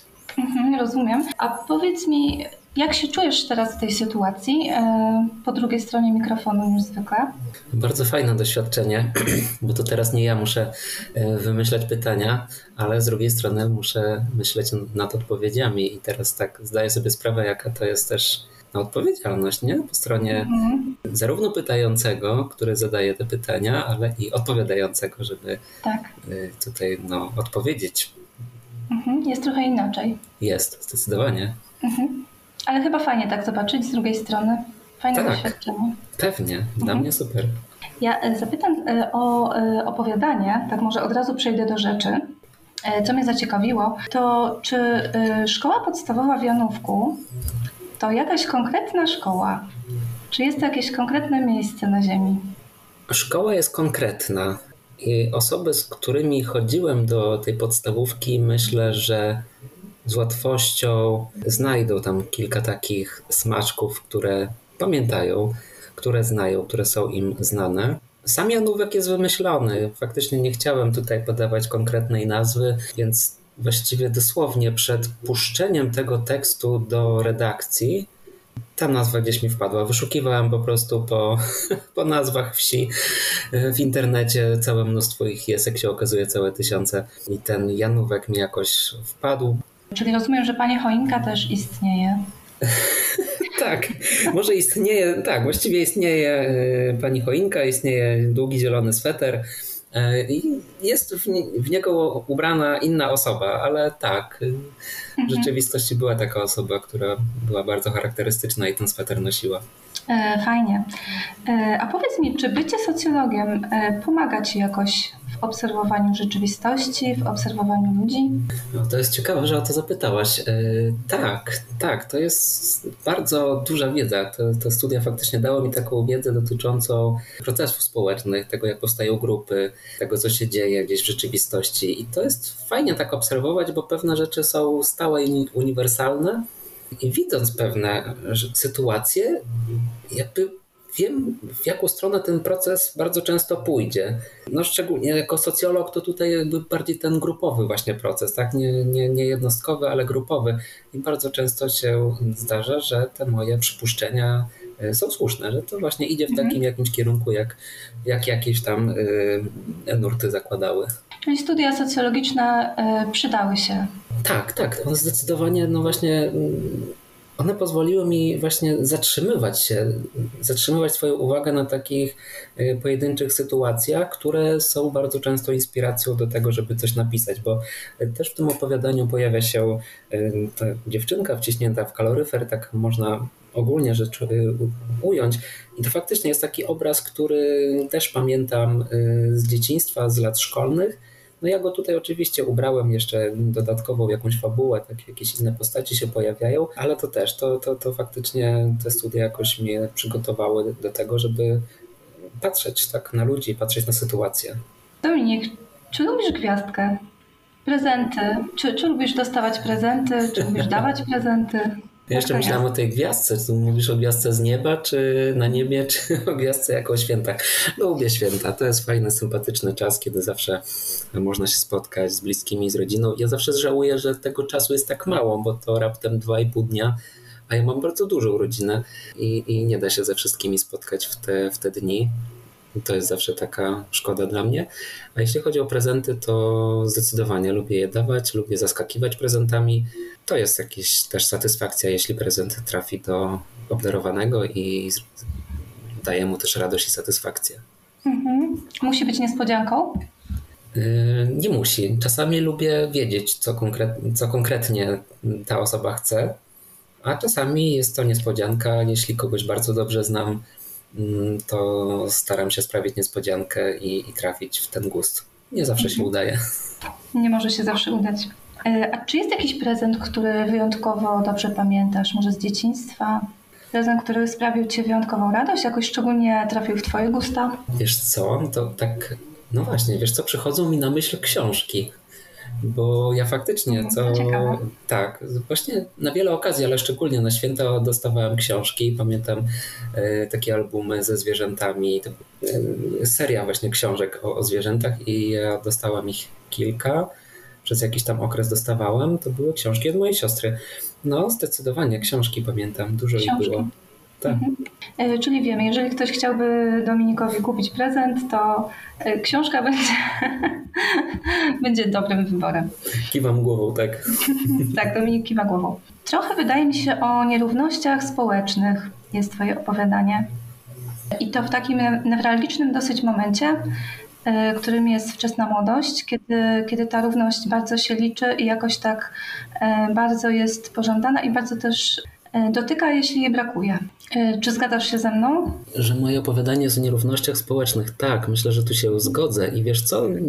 Przed naszą rozmową e, usłyszałem takie słowa pisarza Pawła Radziszewskiego, który mówił o książce swojej Niepowinność. I on tam też porusza kwestię nierówności społecznych i mówi o hipotezie sprawiedliwości społecznej, która mówi o tym, że każdy z nas jakoś tak czuje, że skoro coś się dzieje, coś się robi, to tak jakby to mu się należy. I ta moja bohaterka tego opowiadania jest postawiona w takiej sytuacji, w której jej się chyba wydaje, że po prostu no tak musi być, że jej się należy, że jest tak, a nie inaczej, tak, żeby nie zdradzając tej fabuły. A inne dzieciaki też są w jakiejś sytuacji. One pochodzą właśnie z innych rodzin, często no, jednak z wyższym takim kapitałem ekonomicznym przede wszystkim. E, I te różnice faktycznie są tam widoczne. To jest coś takiego, co właśnie e, tak bardzo uderza, jak się, jak się czyta Twoje opowiadanie, mam wrażenie. Dziękuję Ci bardzo za tą rozmowę i e, dziękujemy Państwu za wysłuchanie. To był Dominik Kasicki i zapraszamy do czytania opowiadania. Dziękuję, dziękuję Ci bardzo, że mogłem się znaleźć po tej stronie i powiedzieć parę rzeczy o moim opowiadaniu. To było bardzo ciekawe. Dziękuję. Dzięki. Agata Radziszewska jest odpowiedzialna za ilustrację e, w książce Cymelium, tom pierwszy opowieści na świąteczną chwilę. E, Agata, jak to się stało, że te ilustracje powstały i jak to się stało, że dołączyłaś do tego projektu? Pisał do mnie Grzegorz. Tak. Rok temu byłam na jednym ze spotkań waszych um, i wtrąciłam, że jakbyście kiedyś, jakby ktoś kiedyś potrzebował grafika, to jestem chętna. Więc po roku się do mnie odezwał Grzegorz. Mhm. I się zgodziłam. Wygląda, No i właśnie, się zgodziłaś i to jest najważniejsze, bo to jest bardzo ważny element tej antologii i za który bardzo dziękujemy, bo dzięki temu jest to bardzo zindywidualizowane. Y, jak powstawały te ilustracje? Czy to były Twoje pomysły, czy to były pomysły mm, autorów? Mm, zależy. Zwykle najpierw czytałam opowiadania i potem robiłam do tego ilustracje czy jakieś szkice, a czasem też ktoś mi z góry pisał, że chciałby zobaczyć coś takiego mniej więcej i wtedy pracowałam już pod to, co się dowiedziałam od autora. Mhm. Więc myślę, że jednak w większości sama wymyśliłam, ale dużo też faktycznie dostałam z góry jakby poleceń, nazwijmy to tak. Były to takie, jakieś wstępne wytyczne, nie? Ze strony autorów, no bo też gdzieś tam y, ja swoje parę groszy dołożyłem, czy, czy, czy powiedziałem, czego oczekuję, ale tu faktycznie z twojej strony była już taka bardzo fajna inicjatywa i przelanie tego na, na papier. Jak ci się pracowało nad tymi y, ilustracjami? Łatwo było, czy ciężko? O, zależy od ilustracji. Z niektórymi poszło powiedzmy bardzo gładko, z niektórymi się męczyłam i, i się męczyłam. Zależy właśnie od ilustracji. Mhm. To było zależne od y, właśnie mm, tekstu, bo chciałaś właśnie oddać ten tekst jak najlepiej w tej ilustracji? Na pewno najbardziej się męczyłam z pierwszą, bo w ogóle zaczęłam pierwszy raz od, nie wiem, miesięcy wyjęłam tablet graficzny i musiałam się od nowa jakby przestawić, więc to zaczęcie było ciężkie. A potem to właśnie zależy. Albo niektóre były łatwiejsze, bo miałam jakiś pomysł z góry, który mi po prostu szedł dobrze. Myślę, że tak jak z pisaniem, czasem piszesz i idzie ci, a czasem z niewiadomych powodów zupełnie nic nie idzie. No faktycznie, a to widzisz, takie też pokrewne jest co, co powiedziałeś, że czasami i w pisaniu, i w tym malowaniu, prawda? Czasami albo idzie, albo no, trzeba się nad tym natrudzić i no, pomęczyć, albo po prostu swoje zrobić. Yy, chyba nie miałaś też za dużo czasu, prawda, żeby te ilustracje wykonać. To był bardzo krótki i intensywny czas, prawda? Jak go, jak go wspominasz? Szło mi w miarę dobrze, w miarę codziennie nad tym pracowałam, ale ten ostatni dzień po prostu jakoś to się na mnie zwaliło wszystko i do nocy poprawiałam jakieś głupoty tak właściwie, ale no, mnie denerwują czasem takie głupoty. Więc bardzo intensywnie, ale się cieszę, że jakby się wyrobiłam, bo mam tendencję do przedłużania rzeczy. To chyba tak jak z nami, bo my w pisaniu tak samo czasami się czepiamy jakiej, jakiegoś zdania i bardzo chcemy je poprawić, żeby było takie, takie nasze, takie idealne. Czy tak właśnie z pisaniem, z rysowaniem ciebie chyba tak samo jest w takim razie? Myślę, że podobnie lub że zawsze się dostrzega, a tu jest jednak jakiś błąd, a jeszcze to można poprawić. Pewnie. Dzięki Ci w takim razie. Paweł Homma i opowiadanie Wizyta. Paweł jest architektem, scenarzystą, grafikiem, reżyserem, animatorem, fryzjerem i programistą. Prawdziwy człowiek renesansu. Pawle, czy przy tym wszystkim wierzysz jeszcze w świętego Mikołaja? Tak, oczywiście Dominiku, oczywiście, że, e, że wierzę. No, kto inny by mi prezenty pod choinką zostawiał, co nie? Mhm. No jak gdybyś spotkał Mikołaja, e, gdyby przyszedł do ciebie, zapukał do drzwi albo może wpadł przez komin, jak to ma e, miejsce z twoim bohaterem w twoim opowiadaniu, to, to o co byś go zapytał? No to pewnie e, bym się spytał, czy, czy kurde, może, może nie byłem aż taki grzeczny w tych poprzednich latach, bo, bo nie dostałem wszystkich prezentów z, z, moich, z moich list, które pamiętam, że że kiedyś zostawiałem na lodówce przypiętym magnesem. Niektóre były dosyć długie, po kilkanaście punktów. E, I bym się spytał, Mikołaju, dlaczego? Mówiłeś, że nie byłeś grzeczny w poprzednich latach. tak, e, tak, tak jak. E, no, no nie wiem, za czym mi się wydaje, że byłem, ale. E, e ale no, no, widocznie Mikołaj uważa co innego. E, a może po prostu, wiesz, był zarobiony i, i z tego powodu e, to, więc to bym się go spytał o to na pewno, tak? Bo, bo ja nie zakładam od razu, wiesz, najgorszych rzeczy. Może, może wiesz, może to jakiś po prostu gdzieś błąd, wiesz. W Mikołajowym świecie też na pewno jest jakaś biurokracja, tak? No tak jak zresztą piszę w moim e, opowiadaniu, tak? Który Mikołaj, który wymyśla kolejne jakby lepsze sposoby na rozwiązywanie kwestii prezentowych, więc e, no nie wykluczam, że tak istnieje, że to tak wygląda naprawdę. jest jakaś, jakaś możliwość. No tak, dokładnie, zgadza się. A powiedz mi, a dostałeś kiedyś rózgę na święta?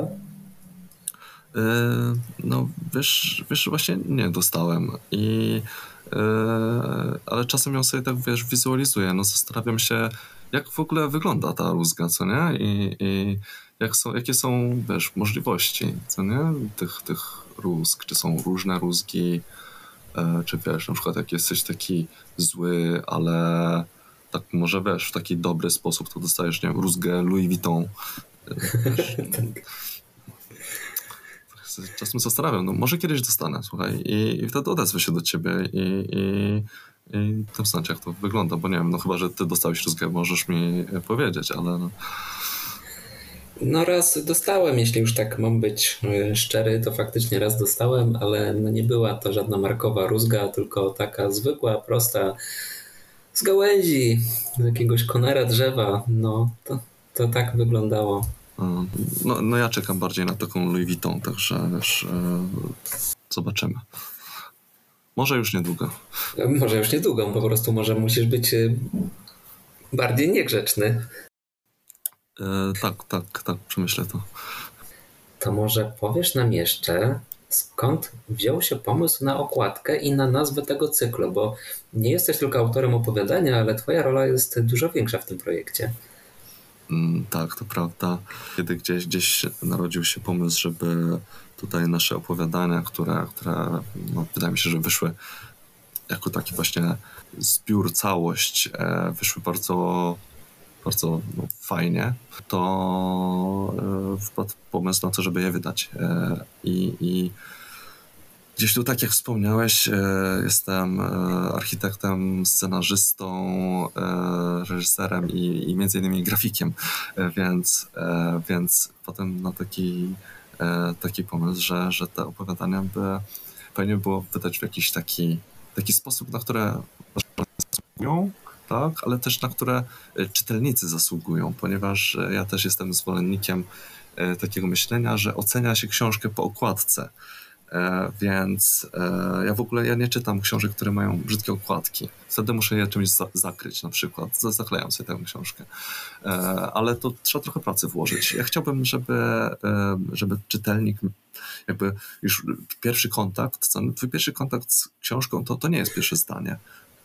Więc ja bym chciał, żeby czytelnik tak od pierwszego, pierwszego momentu, w którym e, obcuje, obcuje z, z książką, tak, ten pierwszy kontakt to, to, to, nie jest, e, to nie jest pierwsze zdanie, pierwszy rozdział, e, to nie jest nawet ten wstęp, tylko to jest właśnie najpierw okładka, więc dopiero dotyka tej książki, jak ona, jak ona jest w uczuciu. ma jakieś odczucia względem najpierw samego grzbietu, który widzi tam grzbiet, potem okładkę, zerka potem gdzieś e, na tylną okładkę, e, otwieramy, wyklejka, potem kolejne strony i dopiero, dopiero docieramy. To jest taki, moim zdaniem, taki proces i, i uważam, że nie powinno się go zaniedbywać. Mm, więc, więc chciałem, chciałem, żeby właśnie nasza, nasza antologia była takim, takim pełniejszym dziełem. No, mam nadzieję, że to, że to w jakiś taki fajny sposób będzie też odebrane przez e, czytelników. Okładka jest w takim trochę stylu e, tak, art deco, tak. ale z takim trochę nowoczesnym zacięciem. Trochę taki Pan Tadeusz, co nie? Pan Tadeusz sprzed kilkudziesięciu lat, co nie? Takie trochę staroświeckie. Mało się robi chyba w takim stylu książek. Też nie, nie chciałem, nie chciałem, żeby ta mm, okładka, żeby ona tak była zbyt dzisiejsza, bo e, mm, też chciałbym, aby, aby ona właśnie trochę się wymykała trochę z takich, z mody na przykład, bo mody przemijają, tak? A to chciałbym, żeby to było coś takiego e, trochę wymykającego się, a jednocześnie ładnego, bo ja generalnie lubię rzeczy ładne i, i, i chciałbym, żeby, żeby cała ta książka była po prostu e, ładna. Dzisiaj troszkę czasem, wydaje mi się, nie doceniamy rzeczy ładnych, po prostu zwyczajnie ładnych. Więc e, po prostu pomysł ok, więc mamy e, tak styl art deco, serię antologii, więc myślę sobie taki, przydałby się jeszcze na to jakiś taki e, tytuł, tytuł antologii, e, tak, całej serii. E, I, i po prostu e, jakoś tak robiłem research. No trochę, trochę trwało, ale trafiłem, trafiłem na takie słowo jak cymelium. E, cymelium, czyli Cymelium, znaczy właśnie, e, nie wiem czy powinienem, może nie powinienem zdradzać, może właśnie czytelnik powinien sam teraz zerknąć e, do, do słownika, odkryć co to znaczy, ale ja bym chciał, żeby, mm, tak, także to jest ten moment, w którym słuchacze e, na przykład powinni wygooglować słowo cymelium, polecam słownik języka polskiego na przykład, bo, bo ja nie wiedziałem, co to znaczy, zanim trafiłem na to słowo, ale już samo brzmienie było dla mnie mm, takie ładne, to po pierwsze, ale też e, takie jednocześnie e, staroświeckie, nowoświeckie, wymykające się pewnym ramom, e, tak, a jak odkryłem jego znaczenie, to stwierdziłem, tak, tak, to jest to, co właśnie ja bym chciał, żeby, żeby ta antologia, czy mam nadzieję, że kolejne, które powstaną dalej, żeby były właśnie takimi cymeliami w zbiorach e, czytelników, między innymi e, też moim, bo oczywiście będę sobie na pewno zostawiał e, egzemplarz dla siebie e, wyglądać. Mam nadzieję, że odbiór też będzie tego e, e, taki dobry. I tego sobie życzmy, tego, żeby odbiór był dobry, bo i okładka jest piękna i nazwa, którą właśnie wymyśliłeś, którą wspomniałeś, w samym brzmieniu zaciekawia do tego, aby zajrzeć do tej całej antologii. Dzięki. Paweł, dzięki Ci za rozmowę. Ostatnia trójka współautorów to Zuzanna Marciniak, Grzegorz Bryszewski i Dorota Żuromska. Mhm. Grzegorz, mój imiennik. E, obecnie wiem, że kończy swoją książkę o Sky Runi. Jego teksty też na grupie często chwytają właśnie, bo są takie przezabawne, często groteskowe. I on ma doświadczenie jako dziennikarz, więc ma już wyrobiony nawyk, nawyk pisarski, nawyk warsztatowy, ale też ma takie uczulenie, jeśli chodzi na napisanie czegoś więcej niż fakty. E, czego bardzo żałuję, to to, że Grzegorz nie pisze, nie pisze wielu tych tekstów, bo gdyby się zaangażował w pisanie właśnie fikcji, myślę, że by i powstała z tego jakaś dobra powieść, czy to przygodowa, czy horror. E, z Grzegorzem mamy też e, wspólne, wspólne pasje. Zaskoczył mnie tym, że wiedział, kim jest Randall, Randall Flagg, czyli postać z powieści Stephena Kinga Dorota Żuromska. Dorota Żuromska często mówi, że jest najstarszą uczestniczką w tych warsztatów, ale tego nie widać, bo wszędzie jej pełno. E, I nie chodzi o to, że na nasze spotkania autorskie przynosi smaczne jedzenie. Dorota brała udział w konkursie w e, dozwolone od lat 60. Opowiedz o miłości. To dość e, duża, gruba książka. Jej tekst pod tytułem 3 minuty otrzymał specjalną rekomendację od e, pisarki i członkini e, jury e, Magdaleny Witkiewicz. Opowiadanie to zresztą czytałem zanim, zanim jeśli dobrze pamiętam, zanim wysłała je na, na ten konkurs. I to jest właściwie tak inspirujące, bo często uczestnicy warsztatów, grupy wysyłają na jakieś konkursy, a potem dowiaduje się po fakcie, jak na przykład Dominik raz zrobił, raz czy dwa. E, a co, co tam u ciebie słychać? Wygrałem konkurs i z Dorotą było tak samo. Grzegorz, masz książkę i to jest jedna z bardziej takich ciekawych, e, jedno z ciekawych przeżyć, kiedy otrzymuję mm, książkę od osoby ze swojej, ze swojej grupy warsztatowej, e, w której był, został opublikowany właśnie tekst tej osoby. I potem mogę położyć na półce wśród innych książek. I Zuza Marciniak jeśli każdy ma jakąś rolę w tej grupie, to Zuza jest powiedzmy takim krwiobiegiem, bo e, kiedy jest jakiś projekt, jakiś pomysł powstaje na grupie, to Zuza pompuje tą krew i adrenalinę z tą krwią e, i wszyscy są od razu emocjonalnie podminowani, żeby właśnie zrobić jak najwięcej, uczynić jak najwięcej, e, żeby, czy aby się spotkać, napisać, Zuza też mi nie daje spokoju, kiedy coś napiszę. Grzegorz, e, przeczytaj, powiedz co myślisz, ja sobie cenię twoje zdanie. Ja nie wiem wtedy co odpowiedzieć, więc muszę to przeczytać i powiedzieć jej co myślę. E, I potem walczymy ze sobą i ta, ta walka na temat jej tekstów jest jednym z najlepszych doświadczeń, jakie mogę, mo, może sobie redaktor zażyczyć, bo i widać, że jej zależy na tych tekstach i na, na najlepszym rozwoju warsztatów. Nie mogę wspomnieć o innych rzeczach, o których Zuza zakazała mi wspominać.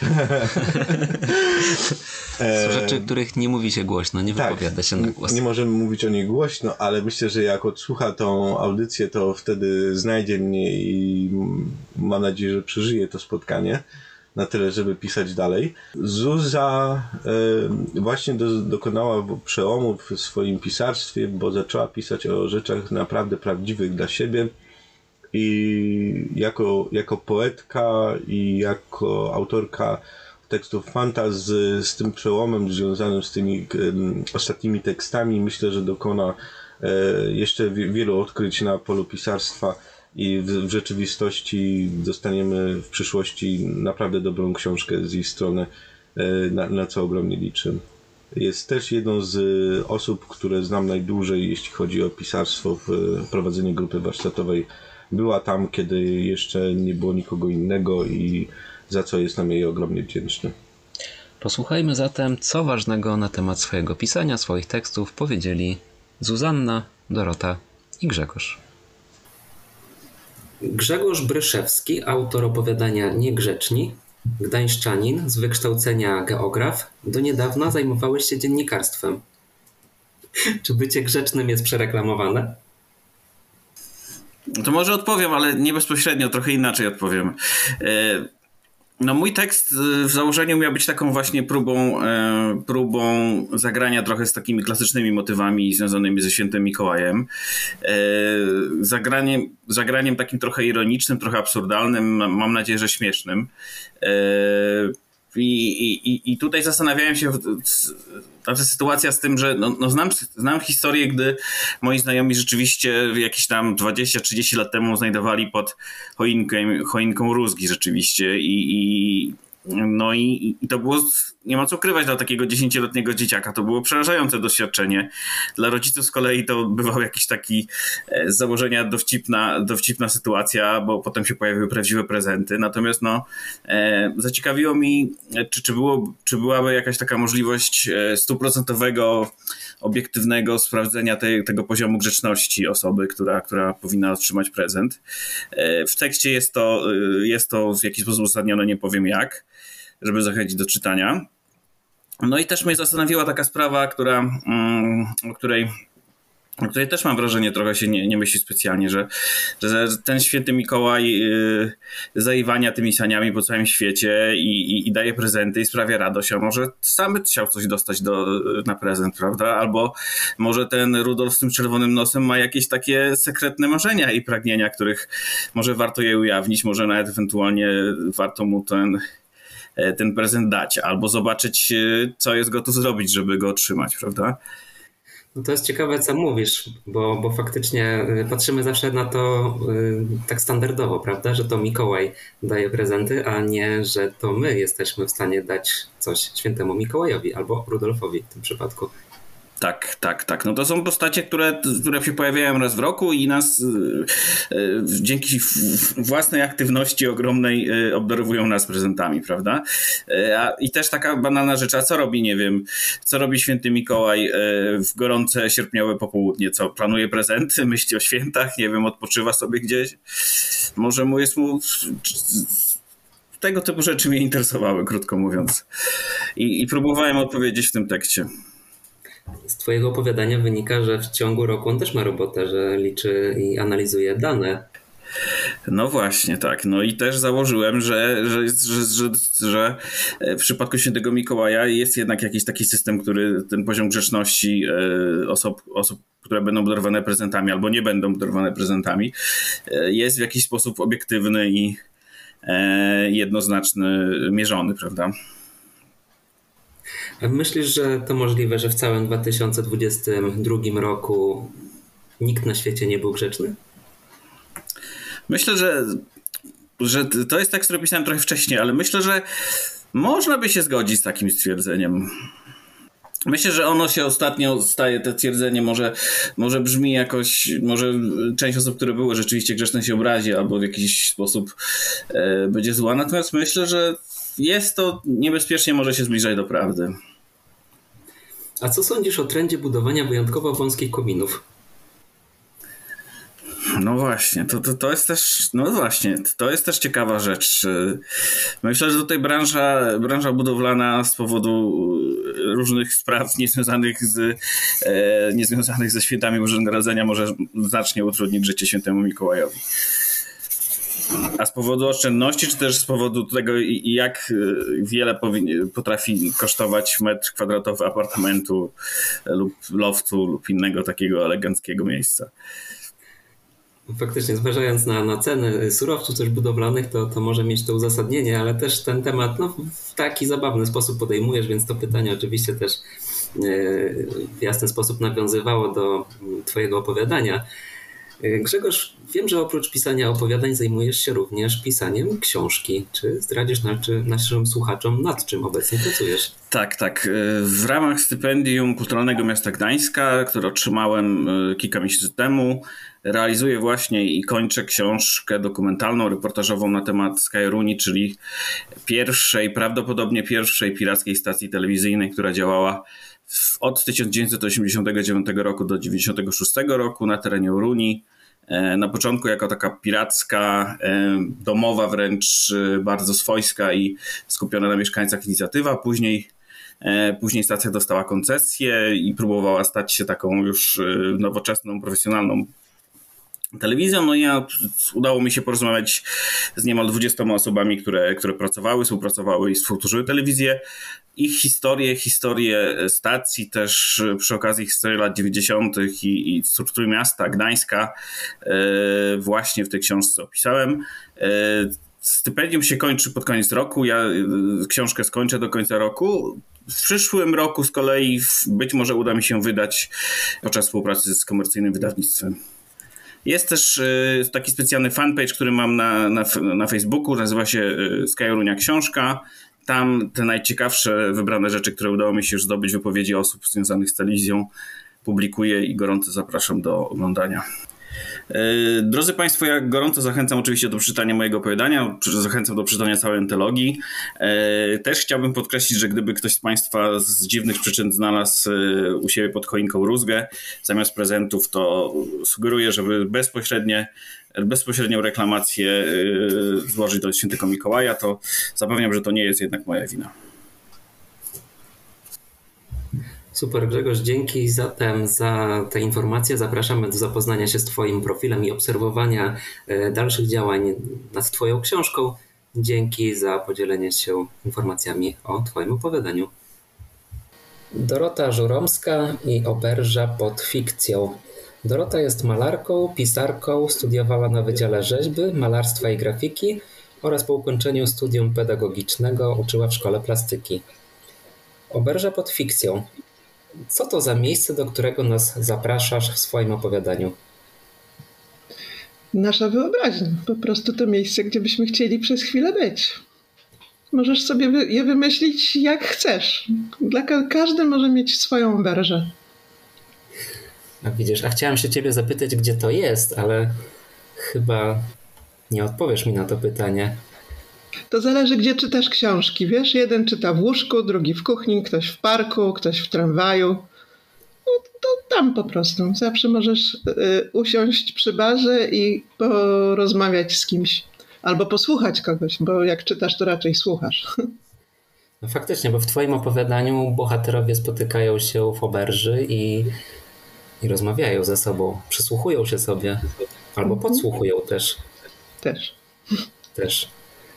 No, na tym polega chyba szukanie inspiracji, że podsłuchujesz, słuchasz, bo życie to taka książka pełna inspiracji, zależy na której stronie otworzysz, coś ci tam zawsze zostanie w głowie, a potem możesz to przerobić na cokolwiek. Czasami bohaterowie są szczęśliwi, że zostali bohaterami, a czasami, jak w moim opowiadaniu, narzekają bardzo na swój los. Zwłaszcza wtedy, kiedy są popularni, tym bardziej narzekają na swój los. Faktycznie, bohaterowie twojego opowiadania to, no to nie są zwykli śmiertelnicy, to gwiazdy, to gwiazdy znane wszystkim nam z innych opowiadań czy z innych baśni. Z czego czerpiesz zatem inspirację do pisania swoich tekstów? Powiedziałeś, że z podsłuchiwania, z czego jeszcze? Wiesz co, to nigdy, nigdy nie wiem. No, większość tekstów y, to powstaje z powodu jakiegoś zdarzenia, które gdzieś koło mnie się wydarzyło. Coś, co, coś, co zdarzyło się gdzieś niedaleko, coś, co, co w jakiś sposób mnie dotyczy. Ja nie, nie jestem wielką pisarką, bo ty przedstawiłeś mnie jako pisarka. Bardzo mnie to rozśmieszyło, bo, bo to jest raczej zabawa w pisanie. I zapisuję sobie, y, zaczęłam zapisywać, od tego, że zaczęłam zapisywać niektóre rzeczy, żeby nie zapomnieć, a potem zaczęłam pisać po to, żeby komuś opowiedzieć jakąś historię, bo była ciekawa. A tak naprawdę to zapisuję, żeby się dobrze bawić, bo, bo mnie coś rozśmieszyło, bo mnie coś zasmuciło. No tak, inspiracje. Skąd inspiracje? Z życia, no przede wszystkim z życia. Mhm. Twoje opowiadanie jest e, no, fantastyczne wręcz, tak? jakby nawiązujące do fikcji, do fantastyki, do e, bohaterów, tak jak powiedziałem, z baśni. A czy tobie jest bliżej właśnie do tej fikcji, czy bardziej do takich realiów, do rzeczywistości? No, no wiesz, w rzeczywistości po prostu tkwię, jestem, więc no to chyba jest to, co jest nam wszystkim najbliższe, tak? A a y, baśnią można tę rzeczywistość y, albo załagodzić, albo urozmaicić, jak jest za nudna. A, ale bardzo się cieszę, jak mi się uda połączyć rzeczywistość z baśnią. To jest trudne, to jest trudne i, i zawsze y, y, lubię takie opowiadania innych, y, którzy piszą w naszej grupie, zresztą wielu tak, tak próbuje. E, to, no to, jest, to, to jest fajne. Jak się uda, to, jest, to bardzo to lubię, ale no nie jest to takie łatwe. Na pewno urozmaica ten tekst jest o wiele ciekawszy. Życie w prozie, bez przerwy w prozie jest nudne. No, zgadza się. A może dlatego w menu twojej oberży jest pizza z narracją, albo drinki z weną. To są bardzo ciekawe pozycje. Czy pisania można się nauczyć poprzez konsumowanie innych treści, czy to jest coś, co ma się w sobie? Wiesz co, nawet na studiach plastycznych zawsze nam powtarzali, że y, talent to jest 10% albo jeszcze mniej, a reszta to jest ciężka praca. I przypuszczam, że z pisaniem jest tak samo. Jedni mają więcej tego talentu, drudzy mniej. Y, ale to jest przede wszystkim ciężka praca. Y, to znaczy, ja nie mówię, że ja pracuję, bo ja to raczej traktuję jako zabawę, ale jeżeli chce się być naprawdę, i też nie jestem pisarką, jak przedstawiłeś, y, ale no, na pewno wielu rzeczy można się nauczyć. I na pewno najlepiej uczyć się od mistrzów, czyli czytać, czytać, czytać, czytać. Mhm. Dorota, nawiązując do słów jednego z Twoich bohaterów, powiem tak. Koniec rozmowy, idziemy czytać. Twoje opowiadanie. Dziękuję bardzo. Dzięki za rozmowę. Dzięki. Zuzanna Marciniak, autorka opowiadania Szyba. Zawodowo psycholożka, a po godzinach pisarka i poetka. Zuza, czego szukamy w snach? O tym jest też opowiadanie Twoje. To akurat bierze się też z, trochę z moich snów, bo ja w przeciwieństwie do niektórych osób z naszego grona pisarskiego e, nie mam tak, że pamiętam takie sny, że ja pamiętam wszystko, zapisuję, co się tam działo, tylko ja po prostu budzę się z takim uczuciem, że czegoś szukałam i za czymś biegłam, albo odwrotnie, że przed czymś uciekałam i że się bałam. E, I chciałam właśnie mm, pierwsze zdanie opowiadania właśnie, że w snach zawsze czegoś szukał lub przy czymś uciekał, chyba tak to było? Tak, dokładnie. Jest tak. właśnie nawiązaniem akurat do tego mojego, że no, skoro nie mam takich mocnych, żywych inspiracji w snach, to chociaż wykorzystam to. Czyli poniekąd to też była inspiracja do tego, żeby napisać y, bardzo też długie opowiadanie, bo najdłuższe w tej antologii. 11 stron. Tak. Rozwlekłam się trochę. Y, Zuza, powiedz mi, czy zgadzasz się z tym, że ludzie myślą co innego, a mówią co innego? Bo tak, tak. też twierdzą bohaterowie twojego opowiadania. Tak. Tak. Dlaczego tak się dzieje? Z czego to wynika? Oj, to jest bardzo dużo rzeczy, z czego to wynika, bo na przykład nie chcemy się tak uzewnętrzniać przed kimś, tak? Y, albo nam się po prostu nie chce rozwlekać danego tematu i o czymś rozmawiać, to no, też musimy uszanować czyjąś sferę. Nie zawsze jakby nie utożsamiam tego tyle z nieszczerością, tylko po prostu może z takim mechanizmem obronnym, nie? Jak nie będziemy jakby mówić o swoich traumach, jakby na pierwszych spotkaniach przykładowo. E, to się w terapii ogólnie nazywa tak kolokwialnie mówiąc trup z szafy, który często wychodzi po kilku spotkaniach terapeutycznych, a nie od razu.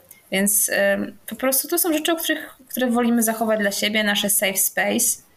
No czy to też wiadomo, są rzeczy, jeśli chodzi o uprzejmość czy szczerość, ale mm, jeśli chodzi bardziej o moje opowiadanie, to też właśnie też taka aura tajemnicy, nie? Też ten brak zaufania. Bo nawet jak komuś ufamy, to ja ostatnio żyję tak, że jeśli zastanawia się człowiek, czy coś powiedzieć, to się tego nie mówi. Więc... Yy to może tak powiem. Mhm.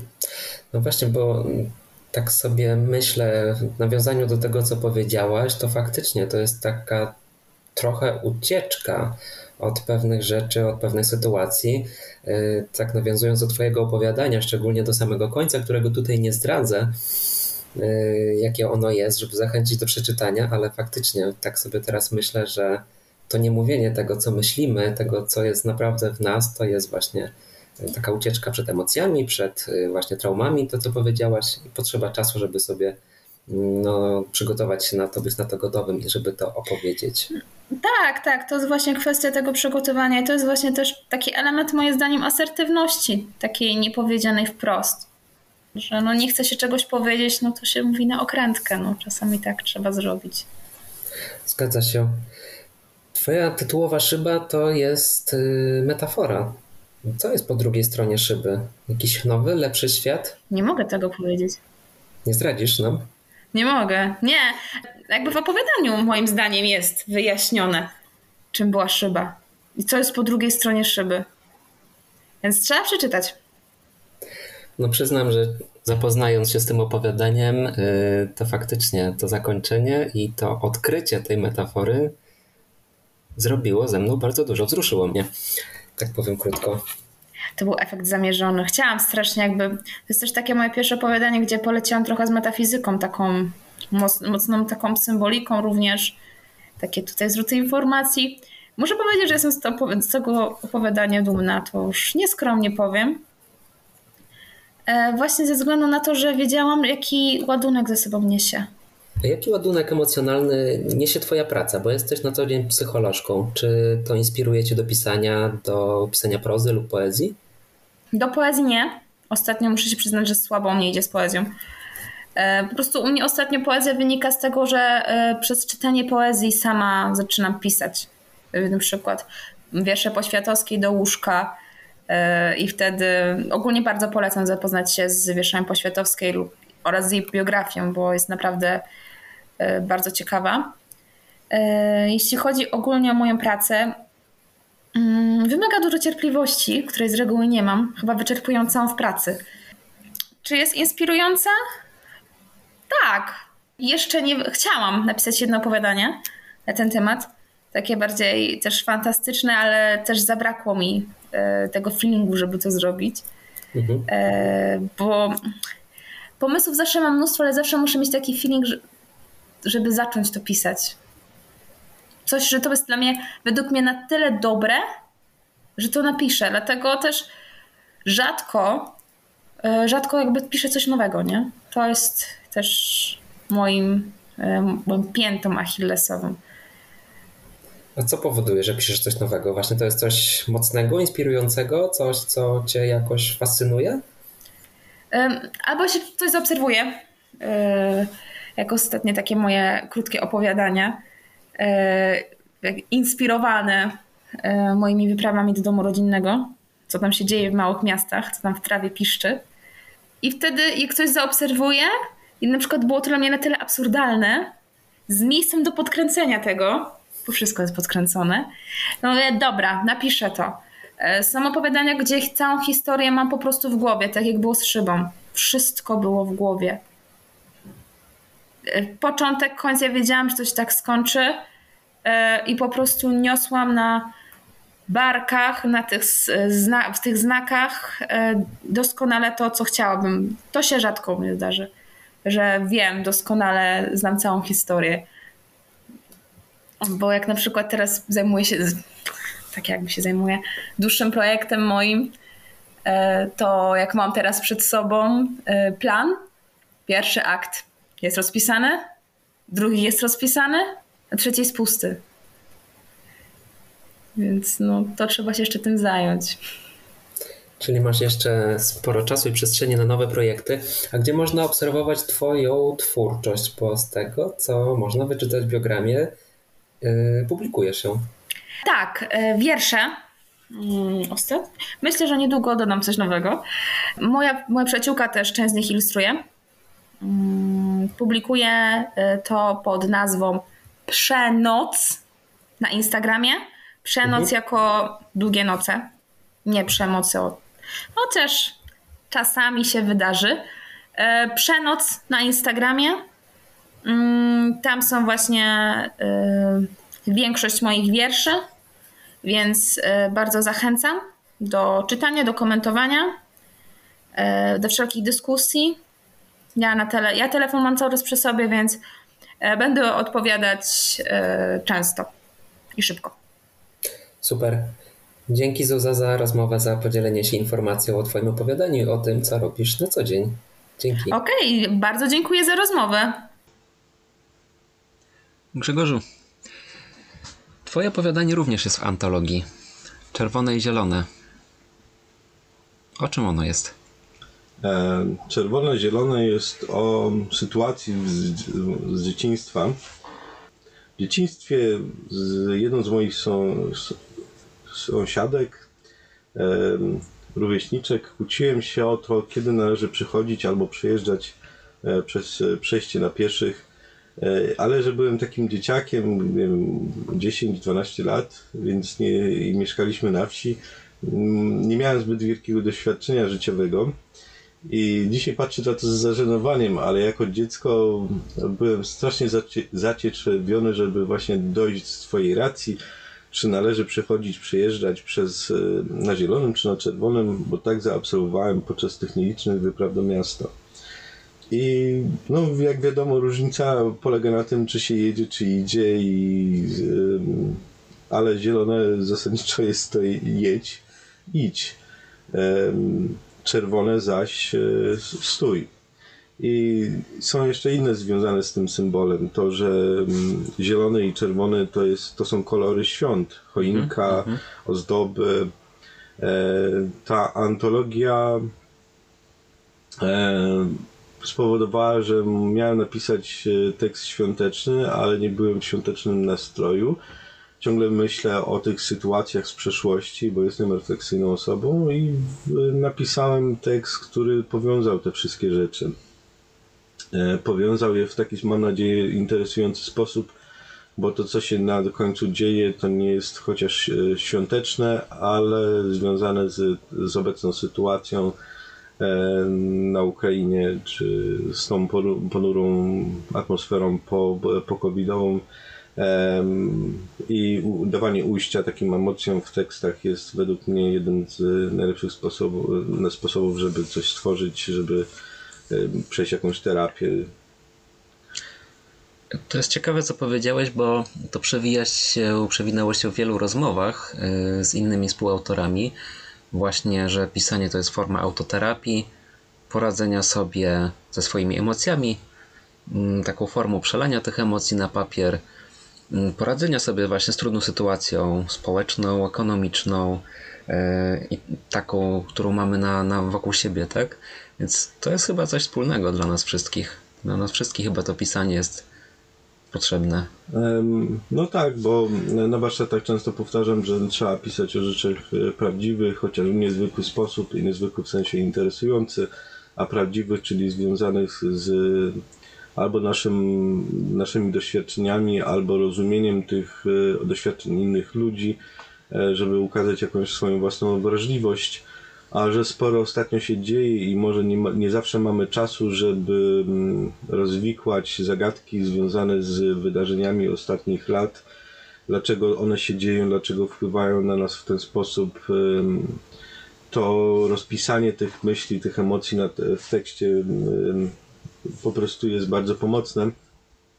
E, I cieszę się, że autorzy, autorki tych e, opowiadań w antologii podeszli, podeszli do tematu właśnie w ten sposób, że nie pisali o świętach takich, e, jakie znamy z telewizji, że Mikołaj jest turbaszny, że choinka jest śliczna, e, albo że ludzie dają sobie prezenty i potem śpiewają kolendy. A tutaj mamy o wiele więcej do powiedzenia na temat samotności, eskapizmu, czy tego, dlaczego powinniśmy szukać siebie nawzajem no bo te kolendy te prezenty, one się pojawiają w tych tekstach, prawda? Tylko, no właśnie, one pokazują pryzmat jakiejś konkretnej osoby, jakiejś konkretnej sytuacji. Nie ten cukierkowaty, który znamy z telewizji, z reklam, o którym mówisz, tylko taki przez soczewkę. Takie są skupione obrazy, prawda, w tym momencie. Tak.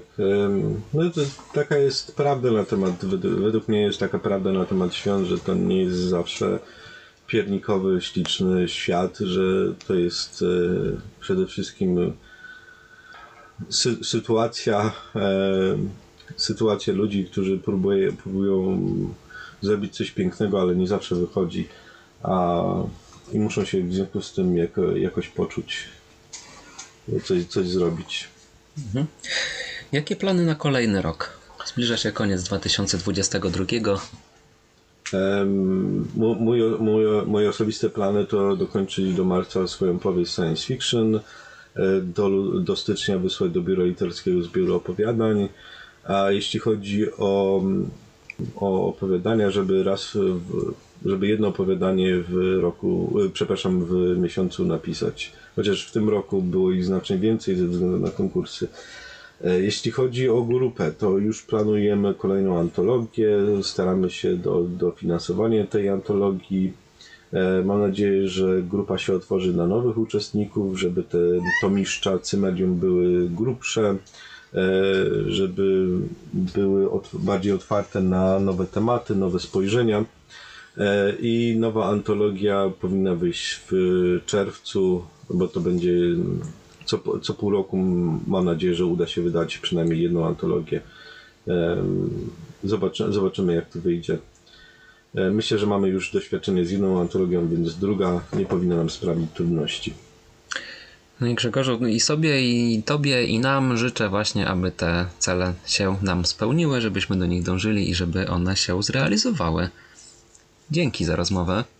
E, dzięki i życzę Ci słuchaczy, czytelników. Cieszę się, że mogłem uczestniczyć w tym podcaście. Do usłyszenia, z, kiedy zaprosisz mnie ponownie z moją pierwszą powieścią. Tak się umawiamy już dzisiaj. Zatem do zobaczenia i do usłyszenia. Cześć, trzymaj się.